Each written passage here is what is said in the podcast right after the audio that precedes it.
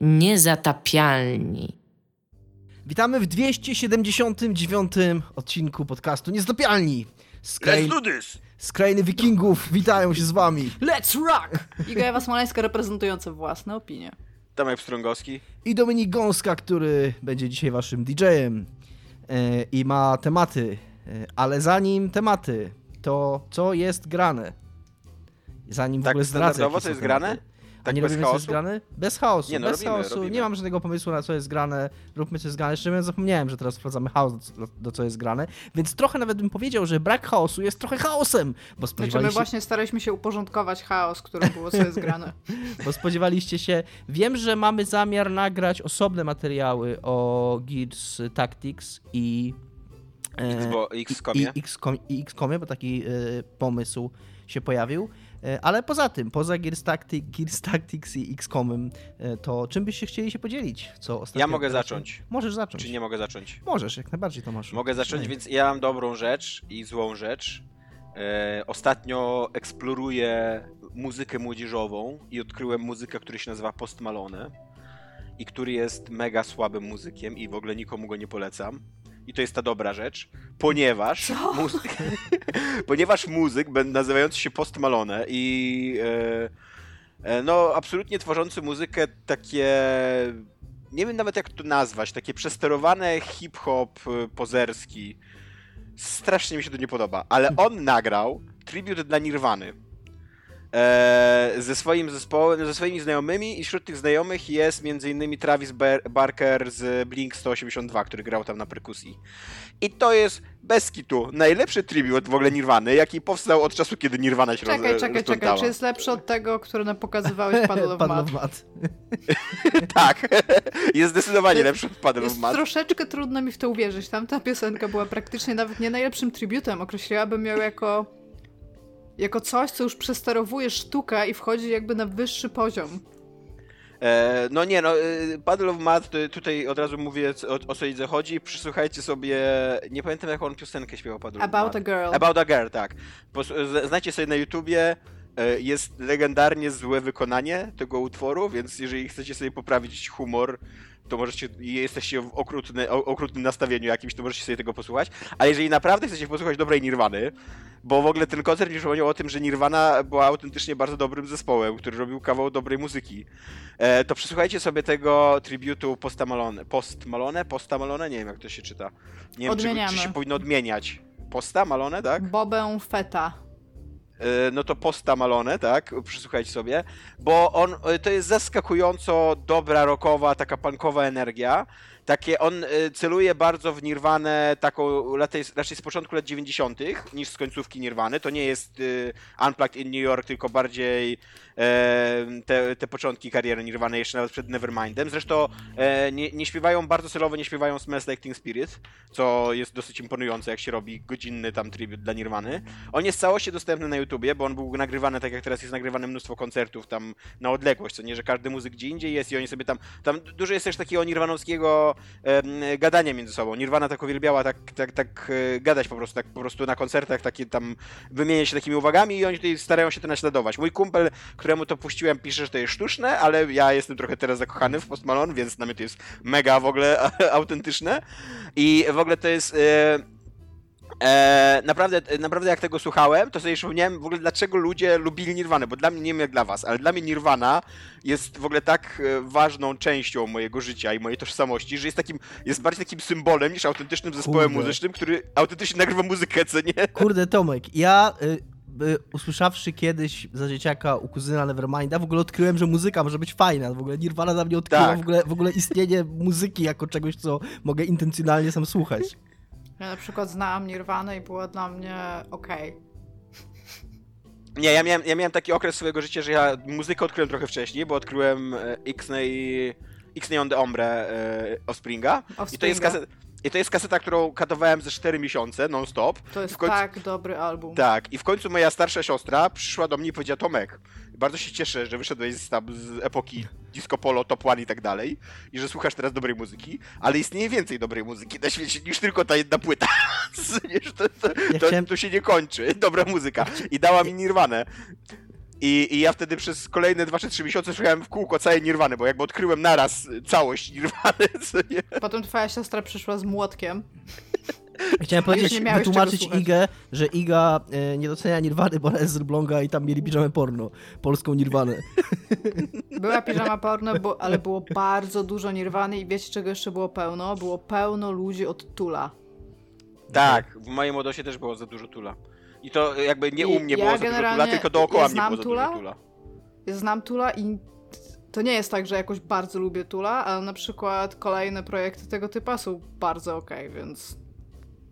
Nie Ale autenty- e, autentycznie jakbyście chcieli posłuchać e, Nirwany i chcieli sobie przypomnieć jak dobra to jest muzyka, to bardzo polecam ten tribut, jest mega zajebisty. E, Jest do tego jakby, ma taki, ma taki w ogóle pieczą- pieczątki autentyczności, bo nie dość, że Courtney Love tam na, na żywo się włączyła na czacie i, i ich pozdrowiła i powiedziała, że robią świetną robotę i oni oczywiście odzdrowili i oni jeszcze powiedzieli, że Czy kochają... wszyscy przeżyli w takim razie? Tak, i oni jeszcze powiedzieli w ogóle, że kochają Hall, co dla mnie też jest w ogóle zajebiste, bo ja też kocham Hall, e, ten zespół Courtney Love, który, który też był dla mnie ważny, jak, do, jak dorastałem. A do tego później jeszcze Chris Nowoselik, czyli e, ten trzeci po Dave'ie Grollu i, i Cobainie z Ten, o którym, Nirwany. ten, o którym nikt nie pamięta. Nie, Nie, no, wiem, pamię- czy nikt nie pamię- pamięta. Pamiętasz Tak. o nim. Pamię- Bez przesady, Jest, oni wszyscy On, on jest jakimś tam politykiem w Stanach nawet teraz lokalnym, więc to nie jest tak, że on jest zupełnie nieznany. E, I on, on zatweetował, że w ogóle, że to było, że to był chyba najlepszy tribut, coś takiego, że to był najlepszy tribut, jaki, jaki w ogóle kiedykolwiek się wydarzył dla Nirwany od czasu roz, rozpadu Nirwany, nie? Czy zakończenia działalności, nie wiem, nie wiem, co, nie, wiem- nie wiem jak nazwać to, co się stało z Nirwaną, no. Od czasu... No nie wiem, no, ja, Kurta?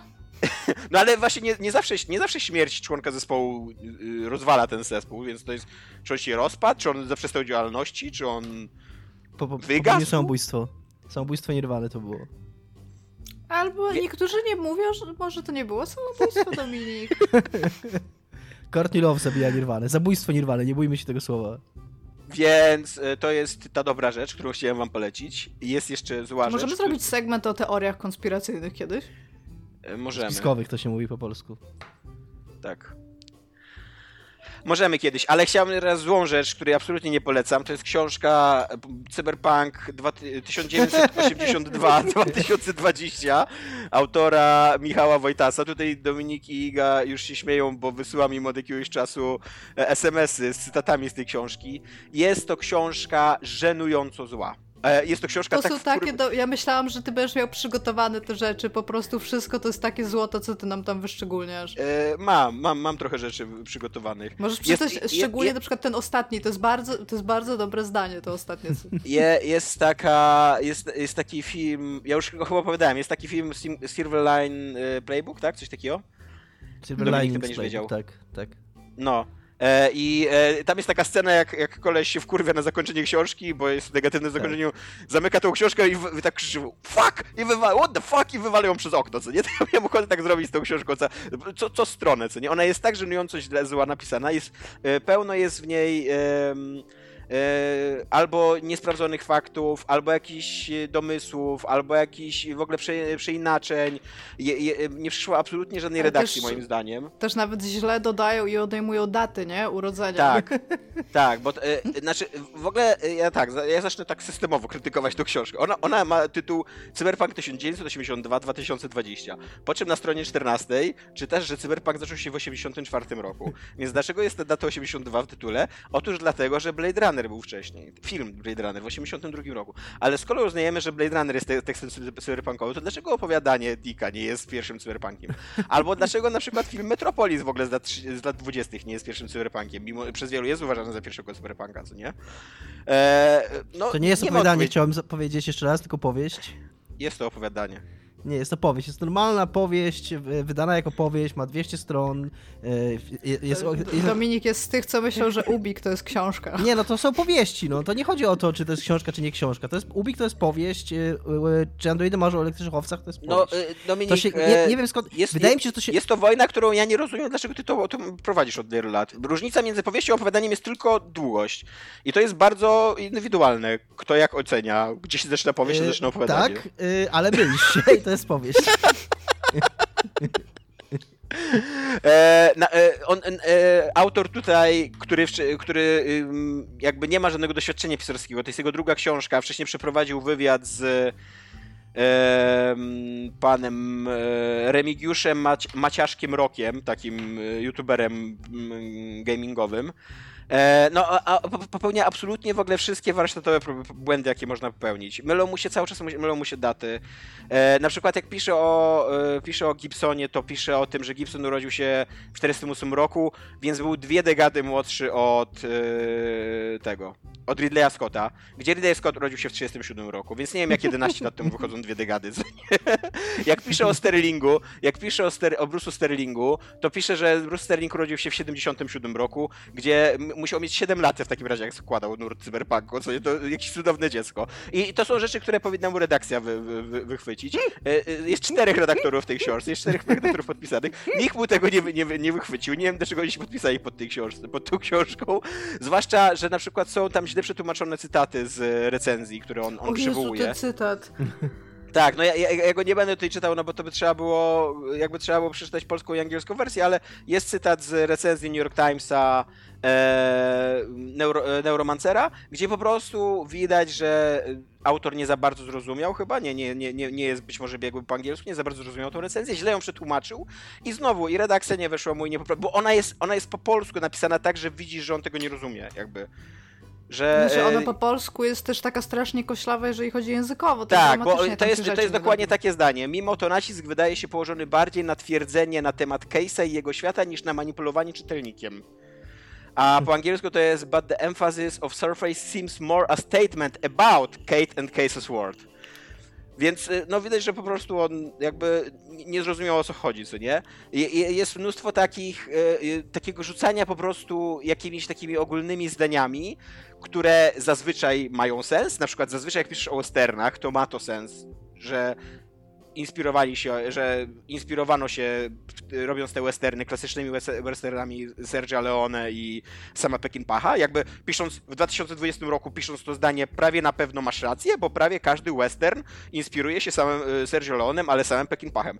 Problem z tym, że jak piszesz o westernie z 63 roku, to być może wtedy wypada sprawdzić, czy przypadkiem Sergio Leone nie nakręcił później i sam Peckinpah też nie nakręcił filmu, e, swoich filmów później. I okazuje się, że rzeczywiście Blueberry, które miało się inspirować Sergio Leonem i Peckinpahem, powstało wcześniej niż, niż filmy Sergio Leone i, i sama Peckinpaha, ale po prostu napisał taki truizm i to mu przeszło dalej, nie?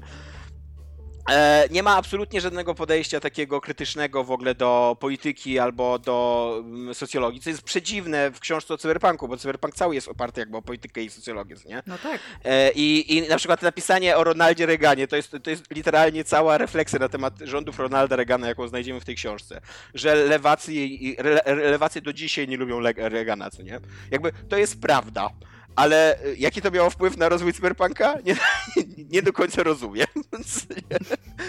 Jakby dlaczego on nie pisze o polityce e, ekonomicznej Reagana? Dlaczego nie pisze o tym, że e, rozregulował mm, te, te e, regulacje, które kontrolowały mm, korporacje? Dlaczego nie pisze o tym, że zaczęły rosnąć nierówności społeczne? Jakby i stąd się wziął cyberpunk? Jakby z, z, tych, z tego, z obserwacji tego, co robi Reagan, No tak. e, cyberpunkowcy po prostu wzięli, przełożyli to na przyszłość i stwierdzili, że będzie jeszcze gorzej, jeszcze bardziej, bo jakby to się będzie potęgować. E, no, no nie wiem, no jest naprawdę wybitnie zła jest ta książka. I, i mówię, i Ja szukam jednego cytatu, który nam wysłałeś, żeby go ja, przeczytać. ja w ogóle przeczytam, ja prze- przeczytam te cytaty, co dzisiaj znalazłem i to, jest, to są dwa cytaty z jednego rozdziału, znaczy z jednego akapitu, co nie? Kurde, trochę zacząłem czytać tą książkę w międzyczasie, więc... y, tak, e, o łowcy androidów.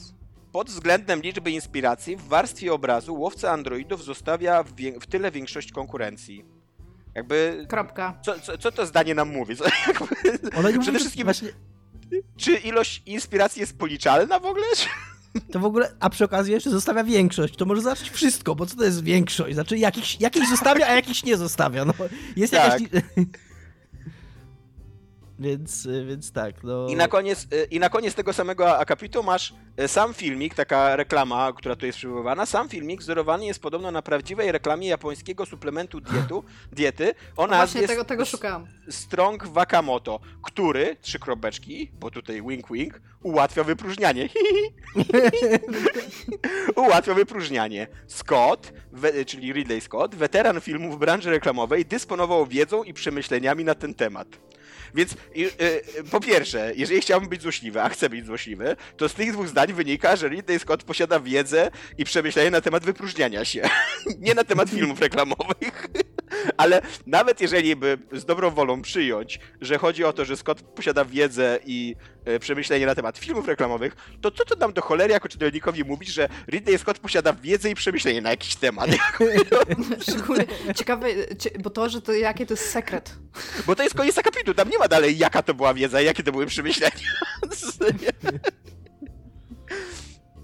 E, tak, no e, książka jest, w ogóle książ- ja, ja temu autorowi trochę współczuję, bo on się tutaj kompromituje wydając tą książkę, a do tego jeszcze robi to tak bezsensownie, bo to jest książka, to jest bardzo wyraźnie napisana książka na, takie na cele takie podpięcia się pod Cyberpunk 2077 i ona dlatego wychodzi teraz, bo wszyscy się spodziewali, że Cyberpunk 2077 wyjdzie teraz. Niestety Cyberpunk 2077 nie wyszedł teraz, więc na szybko jest dopisany ostatni rozdział 50 stron na końcu o tym, jak powstał Cyberpunk, jak powstawał Cyberpunk 2077.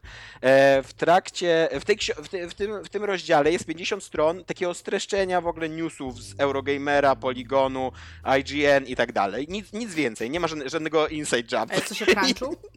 Nic, jest trochę o crunchu, tak. E, je, je, on, on przeprowadza rozmowę tylko z jednym, i wydaje mi się, że w ogóle w całej książce, że przeprowadza rozmowę tylko z jednym człowiekiem, z Michałem Madejem, który pracował w CD Projekcie, ale już nie pracuje w CD Projekcie. więc, więc tylko mówi, jak to drzewnie bywało i, i, i co on myśli o tym, co, co, co się dzieje jakby dookoła tej gry. E, no i żeby się podpiąć pod ten Cyberpunk 2077, to jeszcze regularnie, co 4-5 stron, e, są cały czas takie, takie przypomnienia, że na przykład, że. E, o tutaj przeczytam tak. Opowiadanie, czy androidy śnią o ele- elektronicznych owcach zostało opublikowane w 1964 roku. Na pewno będzie miało już niedługo dalszy ciąg, bo w Cyberpunku 2077 nie powinno zabraknąć do niego odniesień. I to jest tak, tak co 4-5 stron, jest taki e, friendly reminder, że Cyberpunk 2077 wychodzi, co nie? Bo I przy okazji jeszcze napisał, że to jest opowiadanie. po prostu fatalna jest ta książka.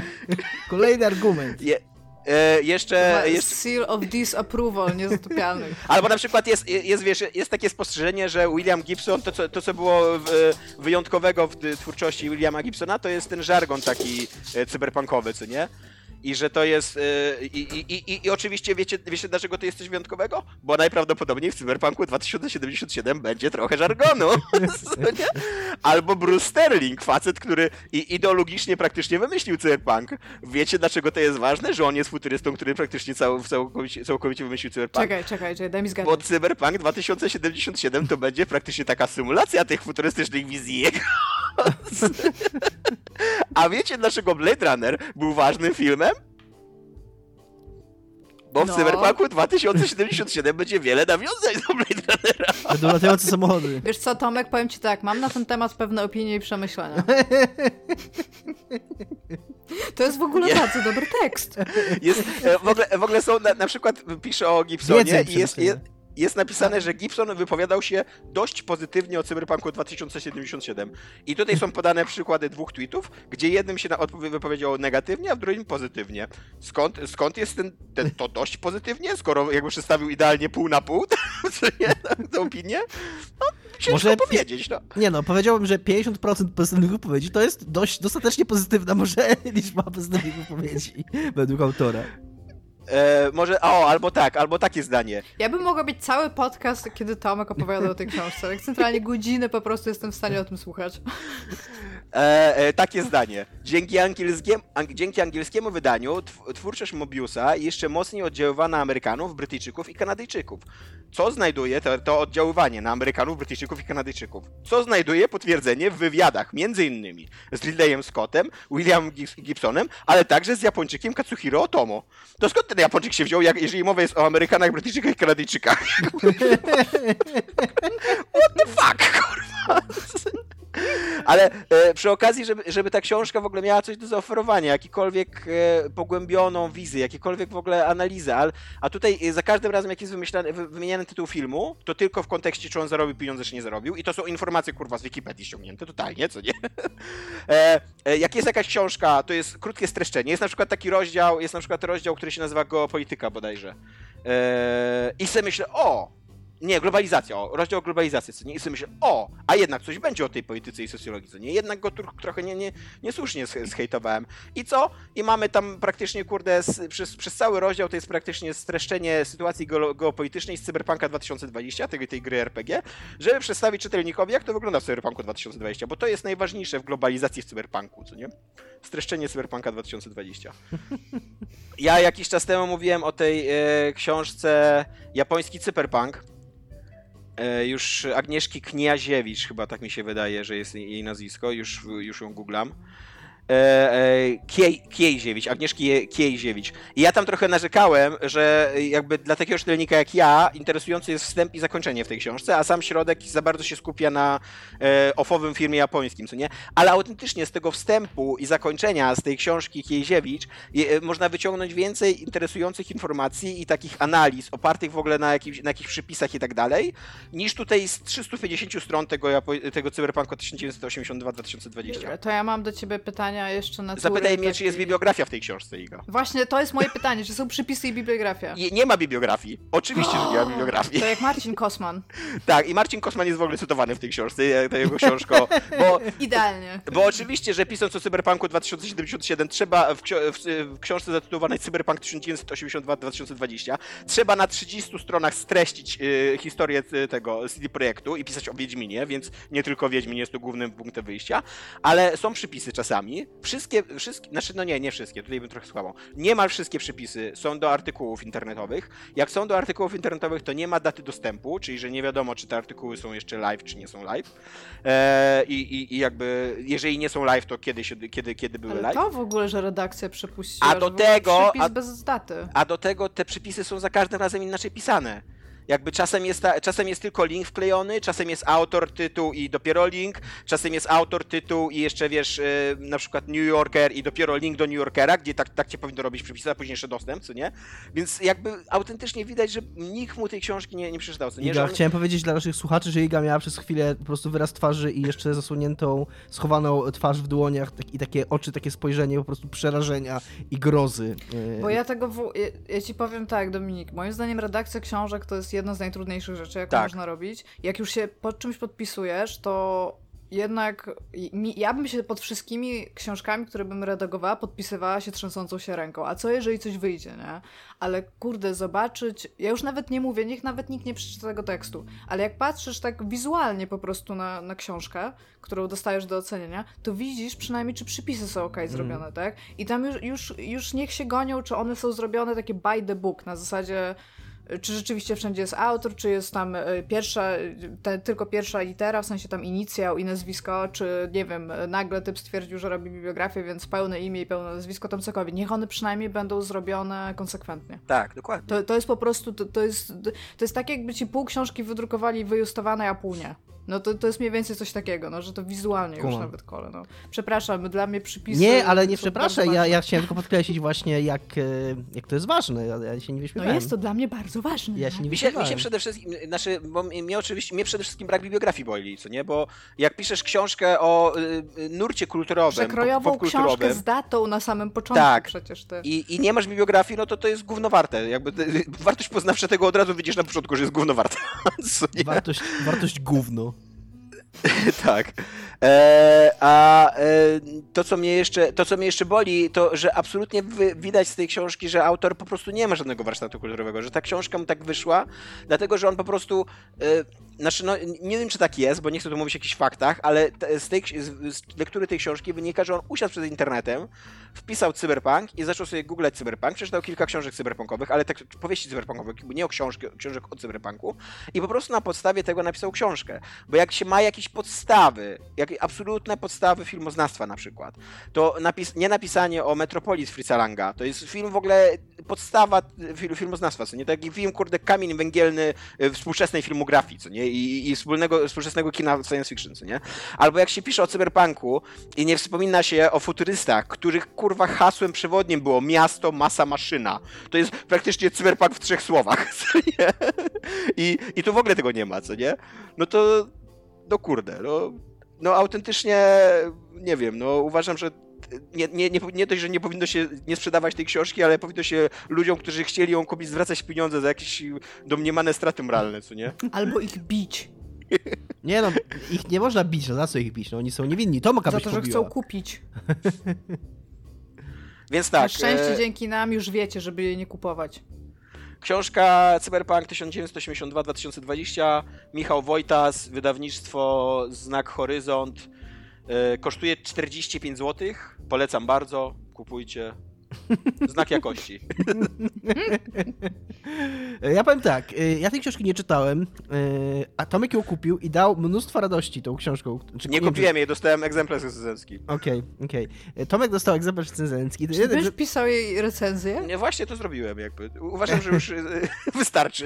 nie? Egzemplarz recenzencki Tomka dał mi i Idze bardzo wiele radości i teraz da wiele radości wam, więc moim zdaniem to były dobrze niewydane nie pieniądze na tą książkę. Dobrze, Jezu, dobrze, takie, takie To tak absolutne jakby dostać podstawy. książkę w Game Passie. takie absolutne podstawy, że w zdaniach złożonych musisz kontrolować podmiot, że bardzo łatwo, y, jeżeli masz podmiot w pierwszym zdaniu, to zapomnieć, że on zazwyczaj przechodzi do drugiego zdania złożone, w zdaniu złożonym, co nie? I tutaj po prostu nagminnie, co 4-5 zdań złożonych, masz tak, że czytasz to drugie, zda- to drugie ten i sobie myślisz, ale kto w zasadzie to zrobił, co nie? Jakby... No i to, to też jest coś, co powinna wychwycić redakcja, a nie wychwyciła. No dobra, ja razie... jestem najbardziej oburzona tymi redaktorami. Fakt, że tam były cztery osoby związane z redakcją i tam są cztery nazwiska, to jest po prostu Ale jakieś... może wyobraźcie sobie, jak ta książka wyglądała przed redakcją. Może tak. O, tutaj jest, ma, mam to z podmiotem. Tutaj to jest cytat z tej książki, który wysłał Tak. Tomek. Swojego ojca Keanu, Keanu Reeves, nie miał okazji poznać zbyt dobrze. Porzucił rodzinę, gdy jego syn miał 3 lata. No, to, to z tego zdania wynika, że to Kijanu Keanu, rodzinę, kiedy tak. miał jeszcze syna, który w ogóle się pojawia nagle w tym zdaniu. I dlatego nie mógł poznać swojego własnego ojca, no. Nie no, rewelacja, rewelacja. No. Jest to smutne. No, dobra. Ja Ja mogę wam powiedzieć... No, nie, nie wpierdzielę się jednak, Iga, gadaj już teraz, bo nie chcę... Dobra. A ja, ja widziałam film, No. i to film polski, No. a Plagi Wrocławia. Albo The Plagues of Breslau. O. To, jest, Wegi film z Korzuchowską w roli głównej. I powiem wam tak, usiedliśmy do tego wczoraj, żeby obejrzeć bardzo głupi film, bo to film Wegi, więc jaki to mógł być film. I okej, dialogi są tam na poziomie po prostu takim, że czasami masz wrażenie, że dwie osoby rozmawiają zupełnie z kimś innym, jakby poza kadrem, w sensie, że te, ten dialog się nie skleja, natomiast zdaję sobie sprawę z tego, że jak on był napisany i był w scenariuszu opisana ta scena, to on był pewnie taki, że sobie piątki przybijali, ale zupełnie nie działał. Ja w ogóle mam Natomiast- wrażenie, że, że Vega pisze takie filmy, że siedzi z jakimś takim typem i co, co, co zdanie tylko tak puch, piąteczka. Ale, ale to wiemy, no, to nie? ogóle jeszcze, wiesz, ten pocałunek z językiem, z tym typem takim, no, takim napakowanym, nie? E, więc generalnie to jest, e, to, jest thriller i to jest takie polskie 7, bym najbardziej powiedziała, nie? Bo jakby clue jest takie, że we Wrocławiu pojawiają się e, ciała zamordowane w taki sposób, jak e, kiedyś... E, e, mo- mordowano ludzi we Wrocławiu, kiedy z, chciano stąd tutaj zrobić jakby e, stolicę kulturalną i tam w poniedziałek mordowano tam e, jakiś, ja teraz nie pamiętam, we wtorek grabieżców, w poniedziałek jakiś tam, potem jakiś ludzi, którzy byli przekupiani i tam i codziennie o 18 pojawia się nowe ciało, nie? I powiem wam, że kurde zaskakująco spoko się oglądało ten film. Ja nie mówię, że to jest najlepszy film ever, ale to jest bardzo dobry. On jest na Netflixie. Jak chcecie półtorej godziny taki, że siedzisz i często się... Tam jest taka scena, że po Wrocławiu biegnie koń. Mind you, wyobraźcie sobie konia, nie? I koń biegnie po Wrocławiu. I teraz Widzę tak, go. koń biegnie i ludzie dookoła w parku zaczynają przed nim uciekać.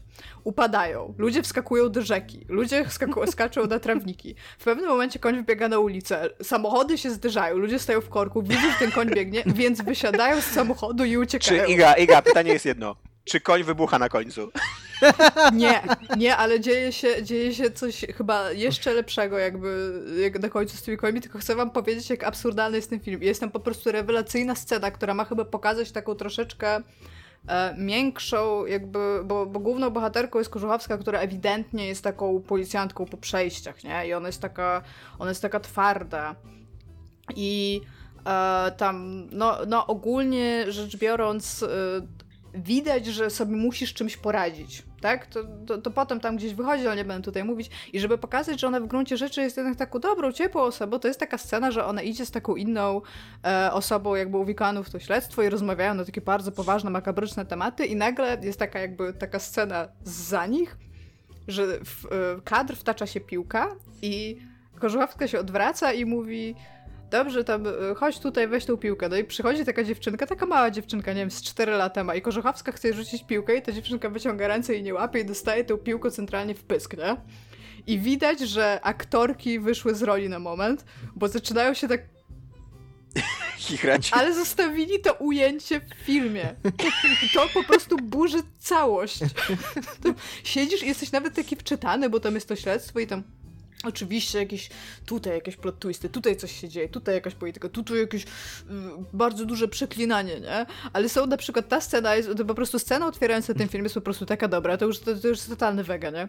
Idzie trzech takich typów, takich, takich wiecie, takich trochę kiboli, trochę dresiarzy, takich nie? I widzą, że siedzi baba w samochodzie i mówią do niej to co maleńka, coś tam, puka, pukanko po kolei, coś takiego. I siedzi babka w samochodzie, centralnie siedzi w samochodzie i oni otwierają drzwi zaglądają i patrzą, że ona trzyma pistolet i mówią o, to sorry. I sobie idą. Bo, bo w centrum I teraz piąteczka taka, puk z wegą.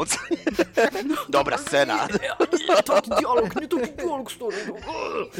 No. Więc, więc zaskakująco muszę wam powiedzieć, że jeżeli chodzi o film do piwa na wieczór, to, to jest coś, co jakby polecam, szczególnie dla tej sceny z koniem. Zobaczcie, co tam robią statyści. Tam w ogóle, tam się, tam się dzieją jakieś takie rzeczy, tam się w pewnym momencie toczy beczka i ta beczka się toczy z takiego mini wzgórza i tam też ludzi jakoś tak tratuje, tam w ogóle tam, tam przewracają się, ludzie znowu odskakują, ale, ale żeby siedzieć w samochodzie w korku i widzisz, że koń biegnie i z niego wysiąść, żeby uciekać, powiedziałabyś, to takie... powiedziałabyś Iga, że kręcą bekę? No trochę tak.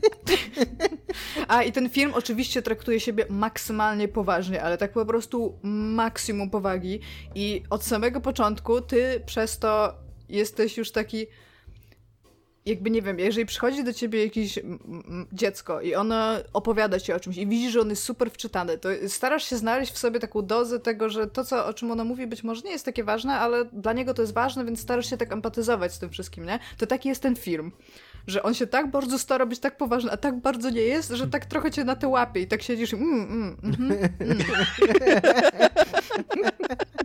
I ty, nie, naprawdę, no, jest, to, jest to jakieś przeżycie, to jest dla mnie zupełnie nowe doświadczenie, bo nie widziałam takiego filmu i po, muszę powiedzieć, że były takie momenty, że byłam taka dosyć wczytana, a tak przy okazji, jak mówię, jeżeli by go okrzyknęli takim polskim 7, to to 7 to, to nawet nie liznęło przez szyby jakby, nie?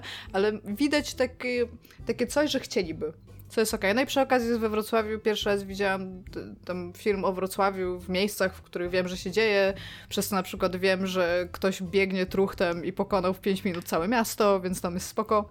Ale ten, ale to fajnie, fajnie. To jest w ogóle, to jest w ogóle na maksa słabe, jak ten jak oglądasz film o jakimś, o jakimś mieście i znasz geografię tego miasta, jest jakaś taka komedia romantyczna polska, nie pamiętam teraz jak się nazywa, jak ten, jak ona się dzieje na sterów, y, ona się dzieje na sterówce w Gdańsku. I jest, jest tam dziewczyna na przykład, która pracuje w galerii handlowej i, e, no i wychodzi z tej galerii, z tej galerii handlowej tam forum w centrum Gdańska, nie? I ona idzie na piechotę do domu. Ja mówię, oho, czyli że mieszka na Sterówce. I rzeczywiście jest, jest ulica na Sterówce, ulica Mariacka i ona tam wchodzi do domu i tam zajmuje swój e, mały, biedny, ma, małe, biedne mieszkanko. Ja mówię, no spoko, spoko. Dziewczyna pracuje w galerii, tam za kasą, co nie, ma mieszkanko za tak ze 3-4 bańki, spoko, wszystko się, zgadza, wszystko się zgadza, co nie?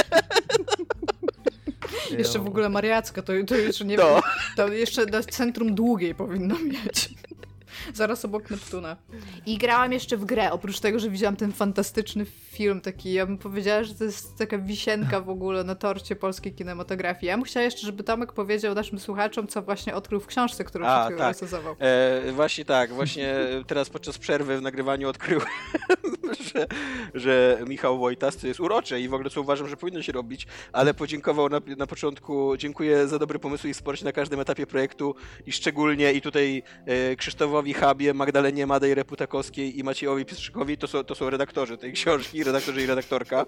I tak, i no to uroczy, że dziękujesz im za to, że nie zrobili swojej roboty. Chociaż być może jest tak, jak Iga mówi, że ty zrobiłeś tak kiepską robotę, że no nie bardzo było co ratować.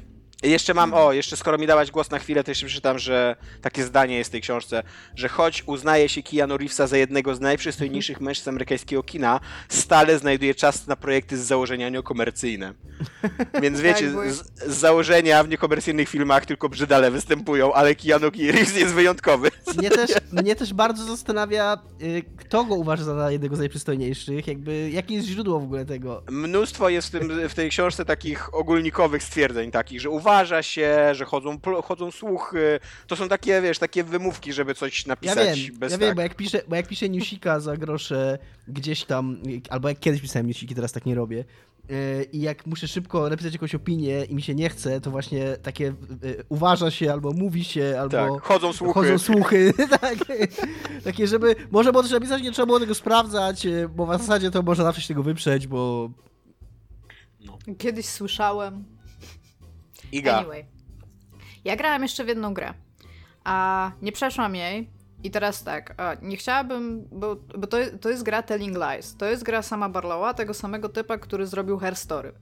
Ona praktycznie polega na tym samym, co moim zdaniem jest takie sobie, jeżeli chodzi o to, że mógł zrobić coś nowego. No ale zrobił praktycznie ten, tę samą rzecz. E, Znowu jesteś osobą, która dostaje jakieś tam e, dane, które są podzielone na filmy i słowami kluczowymi wyszukujesz je tak, żeby sobie złożyć spójną historię. Natomiast e, ta historia ma więcej aktorów, bo tam jest jeden mężczyzna i trzy kobiety. I to, w jakie oni wchodzą ze sobą związki w trakcie tego, jest na tyle ciekawe i na tyle dobrze napisane i wyreżyserowane po prostu. Ale oni jakby, daj, daj mi, że ci przerwę. Czy oni wchodzą ze sobą na żywo w związki? To, się, czy jest to jest tak, tak, że że odkrywasz znajdujesz- przeszłość i oni już byli w związkach ze sobą i... Nie, nie, nie, tak, to jakby to odkrywasz przeszłość, to są rzeczy z, z wcześniej. Patent jest taki, że y, jak wtedy było to przesłuchanie, tak, osoby, to teraz jest tak, że mm, masz nagrania jakby z takich czatów, takich jak teraz prowadzimy na Skype'ie, nie? Więc to są urywki rozmów jakieś i zawsze masz jedną stronę, czyli na przykład on rozmawia z jakąś kobietą, w sensie on jest tą postacią łączącą, one ze sobą, jak na razie nie znalazłam żadnej rozmowy, żeby sobą ze sobą rozmawiały. Patent jest taki, że na przykład możesz znaleźć, jak on rozmawia z własną żoną, ale też możesz znaleźć jej stronę rozmowy. Tak, jeżeli na przykład, nie wiem, e, rozmawiają A, czyli, czyli tym- y, y, jakby zawsze masz jedną stronę rozmowy tylko, naraz jakby, widzisz. naraz jedną. Tak, musisz znaleźć drugą. I oj, to jest o tyle ciekawe, że to się robi dosyć zagmatwana historia. E, Tam ważna jest funkcja, jaką ten typ pełni. Nie chcę tutaj mówić, bo ja na to trafiłam dość szybko, ale nie wiem. Właśnie, bo to też mnie zastanawia, jak bardzo e, ten przepływ informacji, bo zauważyłam taką, taką rzecz, że w każdej rozmowie pojawiają się na przykład tam cztery słowa kluczowe, nie? I w zależności od tego, jak będziesz przechodził, to trafisz na nie mniej więcej w tym samym czasie. W sensie na, na, te, na te e, klastry informacji. I się po prostu zastanawiam, czy Barlow e, ma to bardzo obcykane, na takiej zasadzie, że na przykład wie, że w tym momencie tej historii masz już taką wiedzę, a teraz ci zrobimy takiego małego twista, nie? Bo jak, jak, to, jak ja w to gram, to czasami mam tak, że na przykład jestem o czymś przekonana, po czym się okazuje, że to jednak to moje przypuszczenie było w zupełnie inną stronę skierowane, nie? W sensie, że coś tam było na rzeczy, ale że bardzo źle to oceniłam, nie? Więc jest trochę bardziej, to jest takie Hair Story Plus. Przy okazji, co jest w ogóle fajne, bo e, pamiętacie, że jakby grając w tą grę, ewidentnie jesteście osobą, która siedzi przed ekranem, nie? Na który, który wy też widzicie jako gracz. I teraz tak, widzisz przez cały, jest taki wstęp, że do e, mieszkania wchodzi kobieta i widać, że się bardzo śpieszy, siada do komputera, coś wsadza do komputera. To jest pendrive, jak się okazuje, bo zaraz się pojawia na tym pulpicie, że jest pendrive. Sama wyklikuje y, rzeczy na tym pendrive, wchodzi do y, pierwszego pliku takiego exe, gdzie się jej pojawia ta wyszukiwarka, którą pamiętacie z Herstory i wpisuje love. I ty jako gracz do, dopiero w tym momencie dostajesz kontrolę i możesz sobie searchnąć love. I masz tam cztery filmy, z tego co pamiętam. I teraz tak, nie dość, że ona nie zdejmuje kurtki, to cały czas widzisz w tym takim jakby blik odbiciu jej e, na, na ekranie, widzisz jej twarz, to jeszcze raz na jakiś czas, jeżeli na przykład nie ruszasz myszką albo, nie wiem, no, zastanawiasz się nad czymś, może sobie robisz jakąś notatkę, to obraz ci się tak trochę rozmazuje, że ty widzisz bardziej to, co się dzieje u niej. Więc raz na jakiś czas na przykład ktoś przechodzi za nią i się jej pyta, czy chce drinka, jakiś tam mężczyzna jest z nią w pomieszczeniu i cała, ona cały czas nie zdejmuje tej kurtki w ogóle skórzanej, to jest mega frustrujące, ale też się zdarzyło mi coś takiego, że coś wpisywałam I widać, że ona tam się czasami rusza, albo właśnie, że coś wpisuje, albo że jak ty myszką ruszasz, to widać, że ona też myszką rusza, w sensie porusza jej się ramię. I w pewnym momencie kot mi wskoczył na klawiaturę, nie? No i ona mówi, o, damn cat, nie? No i widać, że ona go zrzuca z tej klawiatury, ale zostaje ci takie sygdy, wygdy, te co kot wpisał chodząc po klawiaturze. Jak wciśniesz search, to dostajesz achievement. Okay. Nazywa się Animal Logic chyba.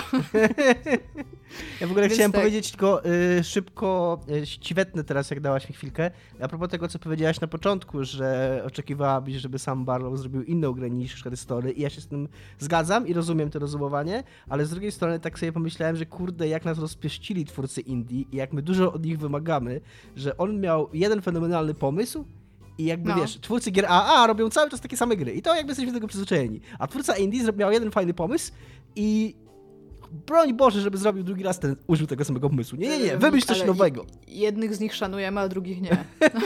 wymyśl coś nowego. No. Miałeś super pomysł na tą pierwszą grę, teraz wymyśl drugi, tak samo dobry pomysł, ale inny. Znaczy, patent jest. Mi się w to gra zaskakująco dobrze, jestem wciągnięta. Często te filmy są mega długie. W sensie, Długo już grasz? Przykład... O, musiałabym sprawdzić na Steamie, Iga, ale też mam takie Iga. momenty, że wstaję i coś robię. Iga, Myślę... ja na maksa chcę ja na maksa chcę w to zagrać i musimy zrobić, bo ja nie mam twojego Steama. Ja chcę twojego Dobra. Steama dzisiaj. Patent bardzo, jest bardzo taki, chcę w to zagrać. że e, wydaje mi się, że tak około 4-5 godzin już jestem w środku. E, jestem nawet wciągnięta w tą całą intrygę, która tam się dzieje. A, to już powinnaś pewnym... kończyć. How long to beat mówisz, że jest na 4.15. To już skończyłaś 15 minut temu, Iga. No właśnie. Wiesz co, ja bardzo często do czegoś wracam, jakieś, jakieś bookmarki robię, ale też może mi się tak wydaje, mi się tak spędziłam przy niej dwa wieczory, nie? No właśnie mi się, mi się w Her Story super grało i nawet ostatnio myślałem o tym, że sobie powtórzyć, bo ja nawet nie wiem, czy ja wszystko tam odkryłem, bo tam ta gra się niby nie kończy, Ja miałam 100%. Nie? Ja chyba nie miałem w sensie 100%. wszystkie więc, filmy. Z, więc trochę, myśla, trochę myślałem, że wrócić do tej gry, ale jak sobie myślę, że właściwie jak, mam, jak mówisz, że ona jest równie dobra, Yy... Znaczy ja ci powiem tak, nie wiem jakie ma zakończenie, bo, mhm. bo, bo, nie wiem, no, natomiast jestem w takim momencie, że już mi się wydawało, że a dobra, już kumam wszystkie jak są pianki rozstawione i w pewnym momencie zaczęłam zwracać uwagę na daty. Czy literalnie tam jest iga szachownica i pionki? Nie ma tam literalnie szachownicy. Zaskakujące, zaskakujące.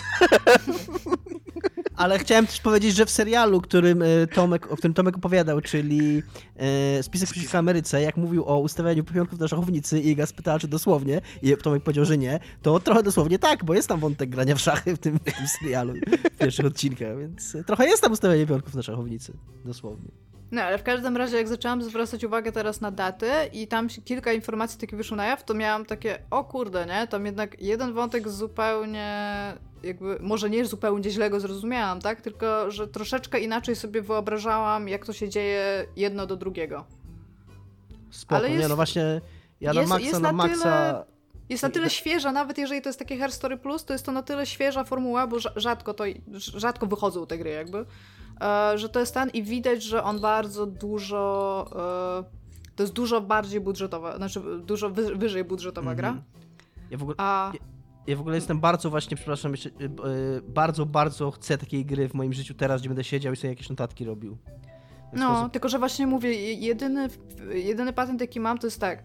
Przez to, że tam to było przesłuchanie, więc miałeś odpowiedzi na jakieś pytania, więc ta mhm. babka często mówiła cały czas, nie? A teraz masz tak, na przykład masz 7-minutową rozmowę, gdzie jest typ i tam możesz przewijać do przodu i do tyłu z jakimkolwiek chcesz tempem. Ale na samym początku ja byłam taka jeszcze mocno w to wczytana i chciałam rzeczywiście... Yy, wszystkiego, wszystko zobaczyć łącznie z reakcjami, bo to mi się wydawało ciekawe. Więc na przykład to jest tak, ja do ciebie mówię, a ty, i nagle przestaję mówić, bo ty do mnie mówisz, a potem robię tak. Po, potem na przykład, no, nie mogę pokazać jak robię, ale zmieniam wyrazy twarzy, nie? Przez trzy minuty, bo ktoś mi coś opowiada, nie? I jakby z tych wyrazów twarzy jestem na przykład w stanie stwierdzić, o, typ się o coś tutaj super zdenerwował, nie? No i potem słyszę tą drugą część rozmowy, no i wtedy, a, klik, rozumiem, nie? Więc to jest o tyle, o tyle bardziej skomplikowane, bo masz po prostu mhm. no, więcej aktorów. Nie no, to, to, brzmi, to brzmi naprawdę no, fajnie. brzmi tak, brzmi spoko. Tak, więc ja, ja ogólnie w tym momencie jestem w stanie powiedzieć, że polecam ją do pogrania. E, natomiast no zobaczę, jeżeli super mnie wnerwi zakończenie, to przyjdę i to wszystko odszczekam, ale jak na razie jest zrobiona na pewno... Mm, nie, nie, nie mogę powiedzieć, że tamta była źle zagrana, bo to by nie była prawda, była bardzo dobrze zagrana. To to jest już zagrane na takim poziomie trochę klasy wyżej jakby, nie? Bo ty w ogóle gra jakiś hollywoodzki aktor, czy nie? Główną rolę. A, wiesz co, nie znam go, ale no wygląda na, wygląda na dobrego Nie no, aktora. totalnie, w sensie... totalnie chcę! I gazerałaś mnie na maksa tym, że takie właśnie będę siedział, rozkminiał, układał sobie w głowie układankę, robił notatki tam, kto tutaj z kim, kto kogo i dlaczego i w ogóle, na maksa, na maksa chcę tego Okej, okay, no co, to mogę ci też powiedzieć, że na samym początku masz bardzo dużo danych i ja się czułam taka trochę overwhelmed, bo Mhm. też kilka wątków mnie na samym początku zupełnie nie interesowało, ale potem się, po, potem to się wszystko tak składa, że realnie chcesz wiedzieć o wszystkich Super. odnogach jakby tego, tego wątku. Super. A wiesz dlaczego tego chcę tak bardzo? Bo Nie, nie wróciłem, Dominik, dlaczego? wróciłem ostatnio do Assassina Unity. O, E, fuck. Gra, ja to czekaj, ja tylko jeszcze dorzucę info, żeby było, że jesteśmy bardzo um, Mhm. kompetentni, że gra główną rolę Logan Marshall Green, który być może nie jest jakąś gwiazdą kina, ale jest rzeczywiście hollywoodzkim aktorem, który grał tam w Snowdenie, w Spider-Manie jakimś. Widać, że to jest taki naprawdę dobry Profesjonalny aktor, aktor, bo w on... każdym taki... No, Tak, taki profesjonalny aktor, który gra normalnie w hollywoodzkich kinach, tam, filmach, tylko gdzieś tam na No bo- dalszym planie. Tak, bo ta babka, ta babka z Her Story, ona była bardzo dobra, zgadzam się, ale ona była takim chyba trochę truszczykiem, y, ona nie była taką chyba yy, No zawodową nie, nie, aktorką. ale też, wiesz, dostawała taką rolę w bardzo specyficznej sytuacji i tam wszystko, więc jakby to było tak, okej. tak. To było tutaj okej. jednak masz takie wrażenie, że nie dość, że ci ludzie, bo to jest tak, oni rozmawiają ze sobą najczęściej na telefonach, więc oni też tak grają na zasadzie, to, to w ogóle musiało być strasznie śmieszne doświadczenie dla nich, bo masz tam pewnie reżysera, bo Barlow sam siebie określił jako reżysera tutaj, że to jest directed by, więc on siedzi w pokoju, ty chodzisz z telefonem i to, jak oni też oddziałują, w sensie, wiecie, nie? Że, że tam, nie wiem, jakbym z wami rozmawiała i bym się w pewnym momencie stwierdziła, o dobra, mamy fajną rozmowę przy piwku, to bym się w pewnym momencie położyła na kanapie, postawiła gdzieś telefon, ten telefon być może by mi spadł, potem bym, nie wiem, nalała sobie piwko i oni robią bardzo dużo takich rzeczy, że przenoszą ten telefon, jak są wnerwieni, to widać, że, że go tak trzymają już, wiecie, tak ten. Jest, na, jest naprawdę dużo takich Dobra, fajnych... Ja- Ja nie, ch- nie chcę wbrew pozorom opowiadać o Asasynie, tylko chodzi mi o to, że w tym. Asasynie Unity, w Asasynie Unity jest taki wątek e, e, zupełnie z dupy, ale w tych Asasynach teraz wszystko wrzucają, rozwiązywanie zagadek takich kryminalnych i one nie są, nie trzeba tam za bardzo kombinować, one trzeba po prostu, e, e, jak, jak wszystkie miejsca, miejsca powiązane z zbrodnią odwiedzisz, wszystkimi ludźmi pogadasz, to masz tyle informacji, że dosyć łatwo jest tego mordercę e, wykryć, no ale przez to, że to robiłem parę razy, to miałem takie, kurde, zagrałbym w jakąś grę, w której rozwiązuję zagadki kryminalne, tak na serio, że A to, to, to, to nie jest coś takiego, ja wiem, zagadka. ja wiem, ja nie mówię, że kryminalne, no jakby tak akurat wtedy pomyślałem, bo to było w kontekście zagadek kryminalnych, ale w każdym razie takie wiesz, że musiał kombinować, łączyć fakty. Słuchaj, czy, czy grałeś w. Disco Elysium? Grałem w Disco Elysium, no niestety grałem w Disco Elysium już. E, Disco Elysium było wspaniałą taką grą. A chciałem powiedzieć, e, ja się wcześniej tobie e, chciałem wciąć po Tomku, ale, ale wpierdzieliło się z tym Wegą i polskim kinem, więc już... już Plagi Wrocławia, polecam. i Wrocławiem, bo rozmawiałem ostatnio w grze na czacie z Michałem Piwowarczykiem, który, ja nie widziałem tego jego wpisu, ale, e, bo był też z nami Michał Kowal i pojawiło się takie stwierdzenie, że Michał Piwowarczyk znowu jakieś, e, jakąś burzę wywołał w- na Facebooku, e, bo cytował jakiegoś typa z PSX Extreme, który ubolewał nad upadkiem prasy papierowej i mówił, pisał o tym, że teksty papierowe są takiej wysokiej jakości, Tak. bo ich autorzy robią bardzo gruntowny research, nawet czasami wchodząc na zagraniczne fora w poszukiwaniu informacji. Ja dzisiaj tak. byłam na Neogafie, czy to czyni ze mnie e, E, osobę... Praktycznie, Iga, masz policera w kieszeni, tak ci powiem. Bardzo mnie to rozbawiło, a gadałem z Michałem Piwarczykiem i Michałem Kowalem, bo gramy ostatnio w Sea of Thieves, w które tak naprawdę gram po raz pierwszy. Ja w to grałem po premierze ze dwa, trzy razy, e, tak e, przypadkowo dość, po prostu bo z ciekawości zobaczyć co to jest. I, I podobało mi się, ale jakoś nie, A nie nie zabrałem. graliśmy statkiem zielińskim? graliśmy statkiem zielińskim, tak, podobało mi się, ale jakby nigdy, nigdy nie miałem ludzi na stałe, żeby grać. To jest taka gra, że trzeba mieć dwie osoby minimum, a tak naprawdę najlepiej trzy yy, łącznie, znaczy, czyli dwie oprócz siebie, żeby, żeby w ogóle był sens to grać. Yy, I, ter, I jakby nigdy, nigdy nie miałem takiej, w cudzysłowie, załogi, tak, takich Brakuje ludzi, mi którzy, tylko dwójki ludzi do trójkąta. Którzy, którzy, by chcieli, którzy by chcieli regularnie grać. No i teraz Michał Piowarczyk i Michał Kowal i jeszcze Robert Zembrzycki yy, z nami gra. Pozdrawiamy. Pozdrawiamy, przepraszam. E, I, I kurde, jest niesamowita ta gra. My y, na razie graliśmy dwa razy, ze mną przynajmniej, oni wcześniej zaczęli grać, bo jeszcze nie miałem wtedy Game Passa. E, I e, dwa razy z nimi grałem i kurna, y, co regularnie podczas grania w tą grę, e, z ust któregoś z nas padało takie, że że ja nie wierzę, jak ta gra powstała. Jakby, jak to się mogło wydarzyć? Jak y, ta gra, jak się w nią gra, ona mi się bardziej kojarzy. Y, graliśmy kiedyś na y, streamie w Keep Talking and Nobody Explodes. Taka, To był dobry stream. E, tak, to był zajebisty stream. Taka y, y, trochę gra, trochę taka zabawa towarzyska w kontekście gry, trochę eksperymentalna, trochę taka y, niewygładzona, taka trochę, trochę taka szorstka i totalnie takie wrażenie sprawia Sea of Thieves, jak się w nie gra, że to, to w ogóle jak w to grasz i patrzysz na decyzje, które oni podjęli i jak ta gra działa, to to nie wygląda jak wielki projekt y, AAA, wielkiego studia za wielką kasę, który ma sprzedawać konsolę, tylko właśnie jak To taki szalony zrobiło projekt- Rare? to zrobił Rare. Mhm. E, Tylko taki szalony projekt właśnie jakichś pasjonatów. To, że ta gra, e, ona nic, tam nie ma żadnego hada praktycznie. Ona ci nic nie mówi, co masz robić. To ona ci daje ten statek, W ogóle to, to, to, co mówisz, właśnie, że ona ci nic nie mówi, co masz robić, to, to jest ciekawe, jak ona odniosła sukces dzięki temu, bo na początku totalnie wszyscy mówili, nie ma co robić w tej grze, w ogóle nuda. No, No niby fajna giereczka, to- to jest- a później ludzie Znaczy- zaczęli w nią grać, Ja, ja zaczęli robić własne rzeczy i nagle, wow, zajebiste. i, i tam po godzinie dla mnie już nie było nic. Znaczy, Ona fakt jest taki, że oni, nudna. fakt jest taki, że ta gra, oni tę grę mocno rozbudowali i dodali tam takie normalne questy, nie?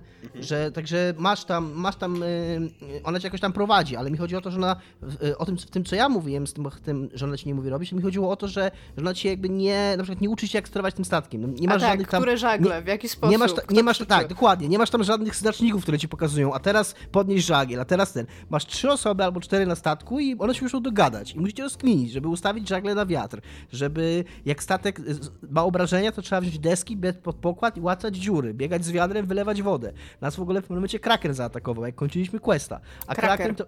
Kraken. E, A Kraken to tam, y, y, nie wiem czy można go zabić, my byliśmy w ogóle przekonani, że jesteśmy martwi, no ale wiesz, wiecie, tam Kowal w ogóle biegał do dział, nawalać tego Krakena, Piłwarczyk też coś tam robił, nie pamiętam co, bo ja akurat Siedział biegłem... pod szalupą i pilnował świń. Nie, bo ja biegałem pod pokład, pod pokładem i tam z wiadrem zapierdzielam, w pewnym momencie kurna z wodą po nos, yy, że praktycznie już cały pokład zalany i biegam z tym wiadrem i kurna wylewam wodę i, i deskami, ten, i po prostu taka totalna panika i w pewnym momencie, wiesz, okrzyk radości z góry, znaczy z, z nad pokładu słyszę, że, że udało nam się uciec, nie? I po prostu ta ucieczka przed Krakenem to było w ogóle, przed Krakenem to było w ogóle jak zwycięstwo, nie? Że w ogóle się tego nie spodziewaliśmy i tam jest mnóstwo takich, takich, yy, takich rzeczy, które się dzieją w trakcie tego grania, yy, które dają ci taką frajdę, e, takiego, no no mówię, to jest taka bardziej zabawka, w którą wchodzicie razem i bawicie się, co można z nią zrobić. Na przykład, ile my mieliśmy wczoraj śmiechu, jak e, e, Michał się zorientował, tam masz harpun na statku, który możesz cumować, jak, mm, jak nie masz doku i tam masz jakąś wysepkę, przy której chcesz przycumować. E, I Kotwicę Michał odkrył... chyba, co? Nie, harpun, nie kotwi, kotwica, to kotwica, ale masz taki harpun na dziobie, taki wiesz, taką Mhm. wyrzutnię z liną. E, I E, I, I Michał strzelił tym harpunem, ja stałem sobie na plaży, Michał strzelił tym harpunem we mnie i przyciągnął mnie na pokład e, z plaży, nie? I potem podszedł, i, a Kowal też tam był na tej wyspie, szukał skrzyni ze skarbem, nie? No i mówię, Kowal, Kowal, chcę mi coś pokazać, chcę coś pokazać, chodź na wyspę, nie? Kowal stanął na wyspie z tą skrzynią Michał strzelił harpunem, tylko tym harpunem złapał skrzynię i przyciągnął skrzynię, a Kowal został sam bez skrzyni w rękach, nie? I takie, taka, takie wiesz, na, albo, albo to, co pisałem na grupie dzisiaj, że w ogóle Kowal e, na tej wyspie, my tam e, oddawaliśmy questa, a właśnie Kowal się zorientował, że jakaś ekipa w slupie, takim dwuosobowym statku. A taki dwuosobowy statek od biedy da się samemu obsługiwać, bo tam po prostu puszczasz koło stromowe, biegniesz do żagli, nie? E, I, i, I ukradł im ten statek, I, bo, bo, bo ich akurat nie było, nie?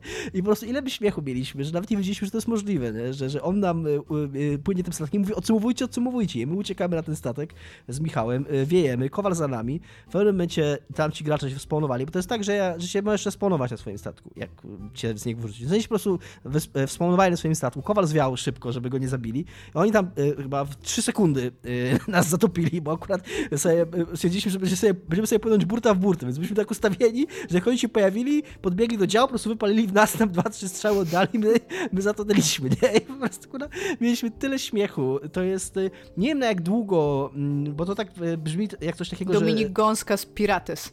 Tak, że, że to brzmi trochę coś takiego, że opadnie entuzjazm, ale wydaje mi się, że to, że teraz te questy wprowadzili, te questy też są fajne, tam też jak masz quest, to nie masz znacznika pointu na wyspę, tylko masz taką książkę, w której masz wskazówki, rozkminiacie te wskazówki, tam na wska- są jakieś e, Ja tylko e, pamiętam, że tam się jakieś szkice. szkielety biło. Jeszcze. Bijesz szkielety czasami, tak. Są szkice na przykład takie, że mniej więcej jak ta wyspa wygląda, na którą musisz płynąć, więc e, wiecie, i też na przykład y, sternik jak płynie, to mu zasłaniają żagle, to co, y, to, co widzi, nie? Więc Tak, dlatego muszą- jest typ na bocianim gniaździe. więc, ty, więc ktoś drugi musi wejść na bocianim gnieździe i patrzeć, jak te, jak, gdzie on ma płynąć właściwie. Masz mapę, ale mapa też jest fizycznym obiektem, pod pokładem. I możesz masz- pokazać komuś mapę, to jest fajne. Więc, mu, Możesz więc wyciągnąć musisz, ale nie, nie, ale mi chodzi, tak, tak, ale mi chodzi o tą mapę taką, która A, taką na gdzie- stole. Na, tak, znaczy, Właśnie- gdzie, gdzie mhm. statek płynie. To jest taka normalna growa mapa, to nie trzeba tam nawigować w żaden sposób. Widzisz swój stateczek na tej mapie świata, e, gdzie on jest, jak jest ustawiony, normalnie ten. Tylko, że ona nie włącza się ją przyciskiem, tylko ona jest obiektem, więc ktoś musi zejść pod pokład, gdzie ta mapa jest i na nią spojrzeć. I, I dopiero wtedy może powiedzieć, czy płyniemy dobrze, czy nie płyniemy dobrze. Nie? Więc no jest tam dużo takiego. Ona jest taka bardzo, bardzo surowa, takie, takie mm, właśnie, że dużo trzeba się domyślać, dużo trzeba samemu kombinować i, i no jest kupa frajdy i mam nadzieję, mam nadzieję, że to, że to będzie trwało. Michał Piewarczyk wczoraj powiedział, że to trochę mu się kojarzy z naszym graniem Left 4 Dead kiedyś, takie pierwsze, wiesz, pierwsze doświadczenie koopowe, że takie to To ogóle, Michał zawsze mówi, że mu w plecy wszyscy strzeliście, bo wyglądał jak tak- zombie, jak waszym zdaniem. to jest Tak. tak. to jest tak świeże, tak, no tutaj nie ma żadnego friendly, żadnego friendly fire. Ja gram, ja gram teraz Ale z kumplami w nawet. e, Left 4 Dead i nadal jest zajebiste Left 4 Dead, nadal jest super. Mhm. Albo jak I teraz- że, Teraz to ja jestem tym typem, którego strzelają, strzelają, strzelają w plecy. Albo tam jest coś takiego, że możesz, możesz grać na instrumencie. Jest tam, nie wiem, 4 czy 5 instrumentów. I e, jak ty zaczynasz grać, to grasz jakąś melodyjkę. I inni, którzy zaczynają grać na swoich instrumentach, się dołączają do tej melodyjki, więc razem, razem zaczynacie grać jedno. I Michał kupił kota, e, bo z, e, z jego cór, swoją córką grał, pokazywał jej tę grę i tam kupili kotka. E, I, I biegał z tym kotem. I ten kot zaczął Tak, tańczyć. tak, totalnie dla córki kupił tego kota. Sam chciał mieć kota i tak w tyle. prawdziwym życiu teraz ma kota. więc- Tak, tak nam powiedział. I, I jak zaczęliśmy grać w tych instrumentach, to ten kot zaczął tańczyć. I też mieliśmy takie, wiesz, albo, albo Michałowi Ruscy na wyspie kupowa- puszczali techno rosyjskie, bo tam jeszcze jest taki proximity chat, że jak y, jesteś blisko jakichś ludzi, to słyszysz w grze, y, jak oni gadają między sobą. Więc on mówi, że, że ci Ruscy, których mu bo tak, tak się domyślaliśmy, że to Ruscy, bo mówi, że jakieś ruskie techno puszczali mu. Rosjanie. Rosjanie, tak, przepraszam. Rosjanie puszczali rosyjskie techno na wyspie, a, my, mu- a Kowal kosił im statek w tym czasie, nie? Więc to takie naprawdę, naprawdę takie... Taka, no Ja, ja jest, chyba nie chcę nigdy pływać z kowalem tak naprawdę statkiem. Mam wrażenie, że to może być dosyć niebezpieczne i możemy skończyć w więzieniu. Naprawdę... y, Na razie to nie są, y, jakby mam tu świadomość, to co mówię, to nie są nowe doświadczenia. Ta gra, to o czym ja Ale mówię, to to było w tej grze... co mówisz. Tak, to było od samego początku tej grze, ale to jest naprawdę taka frajda, to jest taka kupa takiego, przez to, że właśnie, że ona tak dużo wymaga, y, że tam nic się nie dzieje samo, że tam każda mała rzecz też, żeby wypalić z działa, to musisz wejść pod pokład, wziąć kulę, podejść do armaty, możesz też wsiąść do armaty i powiedzieć komuś, żeby cię wystrzelił. Kowal się do armaty i mówił, że go wystrzelił, żebym go na wyspę wystrzelił i przestrzelił i poleciał za wyspę. No takie, wiesz, taka po prostu dużo takich małych elementów, którymi się możesz bawić wspólnie, nie? Możesz też się spić i wymiotować. Tak, Kowal y, na, zabrał moje Możesz żygi do wiadra i żygi właśnie oblał. w wiadro wsadzić. Tak, tak. I właśnie jak się upiliśmy, jak Kowal zniknął na chwilę, bo coś musiał zrobić, jak wrócił, to zebrał moje żygi z pokładu i nimi oblał. I wtedy ci tak ekran zasłania na chwilę, że nic nie widzisz, nie? Więc to naprawdę, naprawdę kupa frajdy. I jeszcze szybko, bo wy mieliście po dwa dzieła, więc ja będę jeszcze szybko, drugie, ale naprawdę krótko, bo już długo nagrywamy. A nie wiem, czy plagi Wrocławia nazwałabym dziełem, ale tak. Też nie wiem, czy Jak- Cyberpunka nazwał dziełem. Y, za namową, za namową Patryka Fijałkowskiego pozdrawiamy tego prawdziwego. Pseudonim, Ad, pseudonim Adam, tak? Zacząłem oglądać Leftovers. E, Swoją drogą chciałem sprawdzić na Rotten Tomatoes, jak ten, jakie ma oceny i wpisywanie Leftovers lot, Rotten jest trochę zabawne, stwierdziłem. Ale w każdym razie e, to jest serial Damona Lindelofa, czyli typo od, Losta, od Lostów i właśnie od Strażników, których ostatnio oglądałem. I, i, i jak gadałem z Patrykiem o tych Strażnikach, to właśnie powiedział mi jeszcze, że jest ten serial e, również jego, który on też oglądał i polecał mi. Obejrzałem pierwszy odcinek, więc nie mam opinii. Zapowiada się ciekawie. To jest taki serial o tym, że nagle na, świat, na świecie znika 2% ludzi. Takie jest jakby założenie Ja bym fabularne. tylko chciała cię ostrzeć, bo Lost też się zaczynało dosyć ciekawie. E, Nie, ale właśnie, Lefto- Leftovers ma bardzo dobrą prasę, że to jest jeden z najlepszych Ma seriali ostatnich tak. lat. I ma, ma, ma bardzo wysokie oceny na Rotten Tomatoes. Pierwszy sezon ma tam chyba 80 parę procent, a drugi i trzeci tam prawie 100. E, I, I też słyszałem właśnie takie pozytywne opinie. I, i, I po tym pierwszym odcinku jest zajebiście emo, ale ma takie emo ten serial, bo ci ludzie tak przeżywają, oni są tak zranieni i to ich tak boli. I tam jest taki policjant, taki szef policji lokalnej, jest jakieś małe miasteczko. I jemu żona odeszła do jakiejś sekty i syn zniknął. I on wraca do domu i patrzy na te zdjęcia i wali z pięści w te zdjęcie rodzinne i tam bije je. I córka jest taka, jest taka zbuntowana i taka zła i tam grają w takiego, takiego hokeja na trawie i tam wali z pie, ten, z łokcie jakiejś koleżance dwa razy i tam zęby jej wybija. Takie, o, są tacy strasznie źli. I tacy, tacy strasznie wkurzeni. To jest taki angst w ogóle do potęgi, nie? Jest to, y, ja się z tego nabijam z jednej strony, a z drugiej strony ja lubię emo, więc, więc mi się to podoba. Dobra, y, dosyć tego, bo już na godzinę gadamy o pierdołach, a nie przeszliśmy jeszcze do tematu. Więc temat y, tym razem na mnie padło, bo Tomek wymyślił tematy i ja wymyśliła tematy i Tomek powiedział, dobra Dominik, to teraz ty musisz wymyślić temat. I ja tak siadam, o czym my możemy porozmawiać? Co interesuje ludzi? Co jest takiego... O, o czym jeszcze nie rozmawialiśmy? O czym jeszcze nie rozmawialiśmy? Co jest takiego interesującego? I pomyślałem sobie, fabuła w grach. Porozmawiajmy o fabule w grach, bo to jest świeży temat. Nie, ale tak naprawdę to, co, to, co mnie takim było przyczynkiem dla mnie do... Yy, takich zastanawiania się, to to, że ja w ostatnich latach, czy nawet miesiącach dosyć tak z dystansu patrzę na to, jak kiedyś odbierałem fabułę w grach i jak teraz odbieram fabułę w grach. Zaczęło się to dla mnie właśnie z Baldur's Gate'em i z Pilarsami, kiedy odkryłem, że teraz mnie w tych grach y, w ogóle nie interesuje fabuła, a bardzo zajmuje ta mechaniczna strona gry. Tam grzebanie w statystykach, dobieranie przedmiotów.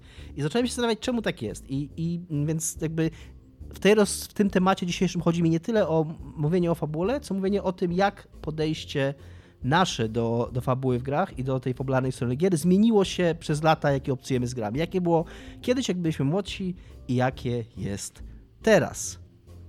O. I pierwsze pytanie, jakie mam e, z tym związane, brzmi: E, często jest tak, że kiedy konfrontujemy się z jakimiś e, wspomnieniami z dzieciństwa, to patrzymy tak na siebie, na tego młodszego Dominika, młodszego Tomka, młodszą Igę i myślimy sobie, ale to było głupi człowiek, albo myślimy sobie, ale to był mądry człowiek, czemu ja nie jestem dzisiaj taki mądry albo taka mądra.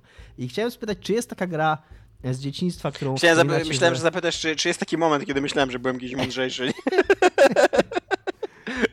Nie wiem, no może pod pewnymi Nie, uważam, że to jest my, my final form teraz. Jestem teraz najmądrzejszy w życiu. Może pod pewnymi względami, wiesz, już to co najlepsze za nami, no. Y, jakby genialnymi matematykami już nie zostaniemy, nie? Yy, czy jest jakaś taka gra, jaka to gra, którą wspominacie, że jakby się dzieciakami, to wam się wydawała super dobra, mądra, innowacyjna fabularnie, czy jakakolwiek, no, że, że ta, to jest taka, a, taka fabuła, że, że o ja jebie, za przeproszeniem. E, a teraz, a teraz jak patrzycie na nią, będąc dorosłymi, to myślicie sobie, że, że, nie, że to jednak nie jest takie dobre. Ja mogę zacząć? Zaczynaj. Mam, mam dwie takie gry e, i o, o, obu niezbyt długo, bo wydaje mi się, że to dosyć oczywiste. Pierwszy jest Metal Gear Solid. Jak się, jak się ma te 13-14 lat i czyta się, i słucha się tego Metal Gear Solid, to on, on brzmi dobrze, mądrze. Przede wszystkim dlatego, że bohaterowie mówią od wielkich liter ważne rzeczy i udają, że to jest bardzo mądre. I pamiętam, jak miałem takie zderzenie, że już miałem z 18-19 lat i mówię właśnie, że MGS to taki, taka gra, która mnie ukształtowała, jedynka i że taki mądry był i tak dalej. A tam kolega taki starszy ode mnie, trochę bardziej świadomy, jeżeli chodzi o giereczkowo, jakoś tak, to weź zagraj w to jeszcze raz. Ja przy, ja okazji tak... mam, przy okazji mam coś takiego, że ta gra była taka bardzo filmowa. Wtedy jak my byliśmy tam, tak. mieliśmy 12 lat, to filmy to się wydawały, że... Tak, właśnie to jest w ogóle bardzo ważne, jak, jak sprawność w opowiadaniu też wpływa na twój, na twój odbiór mądrości tego, co jest opowiadane, co nie? Jak dzięki temu tylko, że, że, że coś jest łatwo przyswajalne, też masz takie wrażenie, że to nie, nie tylko jest łatwo przyswajalne, że ty jakoś intelektualnie też pracowałeś nad przyswojeniem tego i dzięki temu to jest mądrzejsze, co nie? Więc, e, więc tak, więc tak miałem z MGS-em, ale to mówię, to nie ma co się rozpisywać o MGS-ie, znaczy rozgadywać, bo to jest dosyć oczywiste. Ale druga taka gra to jest Half-Life 2. Eee, o którym obejrzałem kiedyś bardzo mądry filmik e, Errand Signal i mhm. który zwraca, on w tym filmiku zwraca uwagę na jedno przede wszystkim podstawowe założenie, że e, wszyscy myślą, że Half-Life 2 jest super mądrą i super e, taką nowatorską narracyjnie grą, Głównie dlatego, że ta gra non-stop, na każdym kroku, każdy z bohaterów mówi ci, ale ty jesteś mądry Gordon Freeman, tylko ty możesz ratować świat, ale jesteś zajebisty Gordon Freeman. Kurde, Gordon Freeman, super jesteś, mamy tu jedną bohaterkę kobiecą, ona będzie cały czas biegała za tobą i będzie ci mówiła, jaki jesteś mądry Gordon Freeman w ogóle. I jak teraz grałem z rok temu, czy dwa lata temu, Half-Life 2, to to już, to, to jak po usłyszeniu tego filmiku Errand Signal już nie da się odzobaczyć tego, co nie? Jak ta gra ci podprogowo non-stop mówi, że patrz, jaki ty jesteś mądry i jaka przez to cała ta gra jest mądra, jak tu się wszystko mądre rzeczy dookoła dzieją, ale to ty jesteś taki znaczy, mądry. To, nie, no, to jest oczywiste, no, ja jestem mądry, więc jeżeli gra mówi, że jestem mądry, to to musi być bardzo mądra gra. Ona jest tak na maksa skupiona na tym Freemanie i tak go idealizuje, tak go wynosi na piedestał, a przez to jakby gracza na to, co nie, tak idealizuje i wynosi na piedestał, że to jest aż pornograficzne, co nie? I, i autentycznie jak masz te tam, znaczy jak nie, jak nie zwrócisz na to uwagę, jak po prostu tak grasz, no to, to to działa idealnie, rewelacyjnie, nie? To działa tak na, na poziomie psychologicznym. Ale jak już, jak już ci taki youtuber Zero Signal powie o tym, to już nie możesz grać tak samo. Tak, to na maksa brzmi jak sztuczka y, taka psychologiczna, no bo jakby każdy lubi słyszeć o sobie, że jest y, mądry, że, że, że jest dobry, że, że sobie z czymś dobrze radzi, że ma dobre tak. pomysły, więc, a, więc jakby nie filtrujesz tego, nie? Więc... A przy okazji też, też fakt jest taki, że ta gra jest zajebiście zaprojektowana. Więc tam mnóstwo rzeczy, na które wpadasz, nie wpadasz na to dlatego, że jesteś bardzo mądry, tylko wpadasz dlatego, że tam jest, to jest bardzo dobrze zaprojektowana zagadka. Ale ty myślisz, że wow, ale jestem mądry.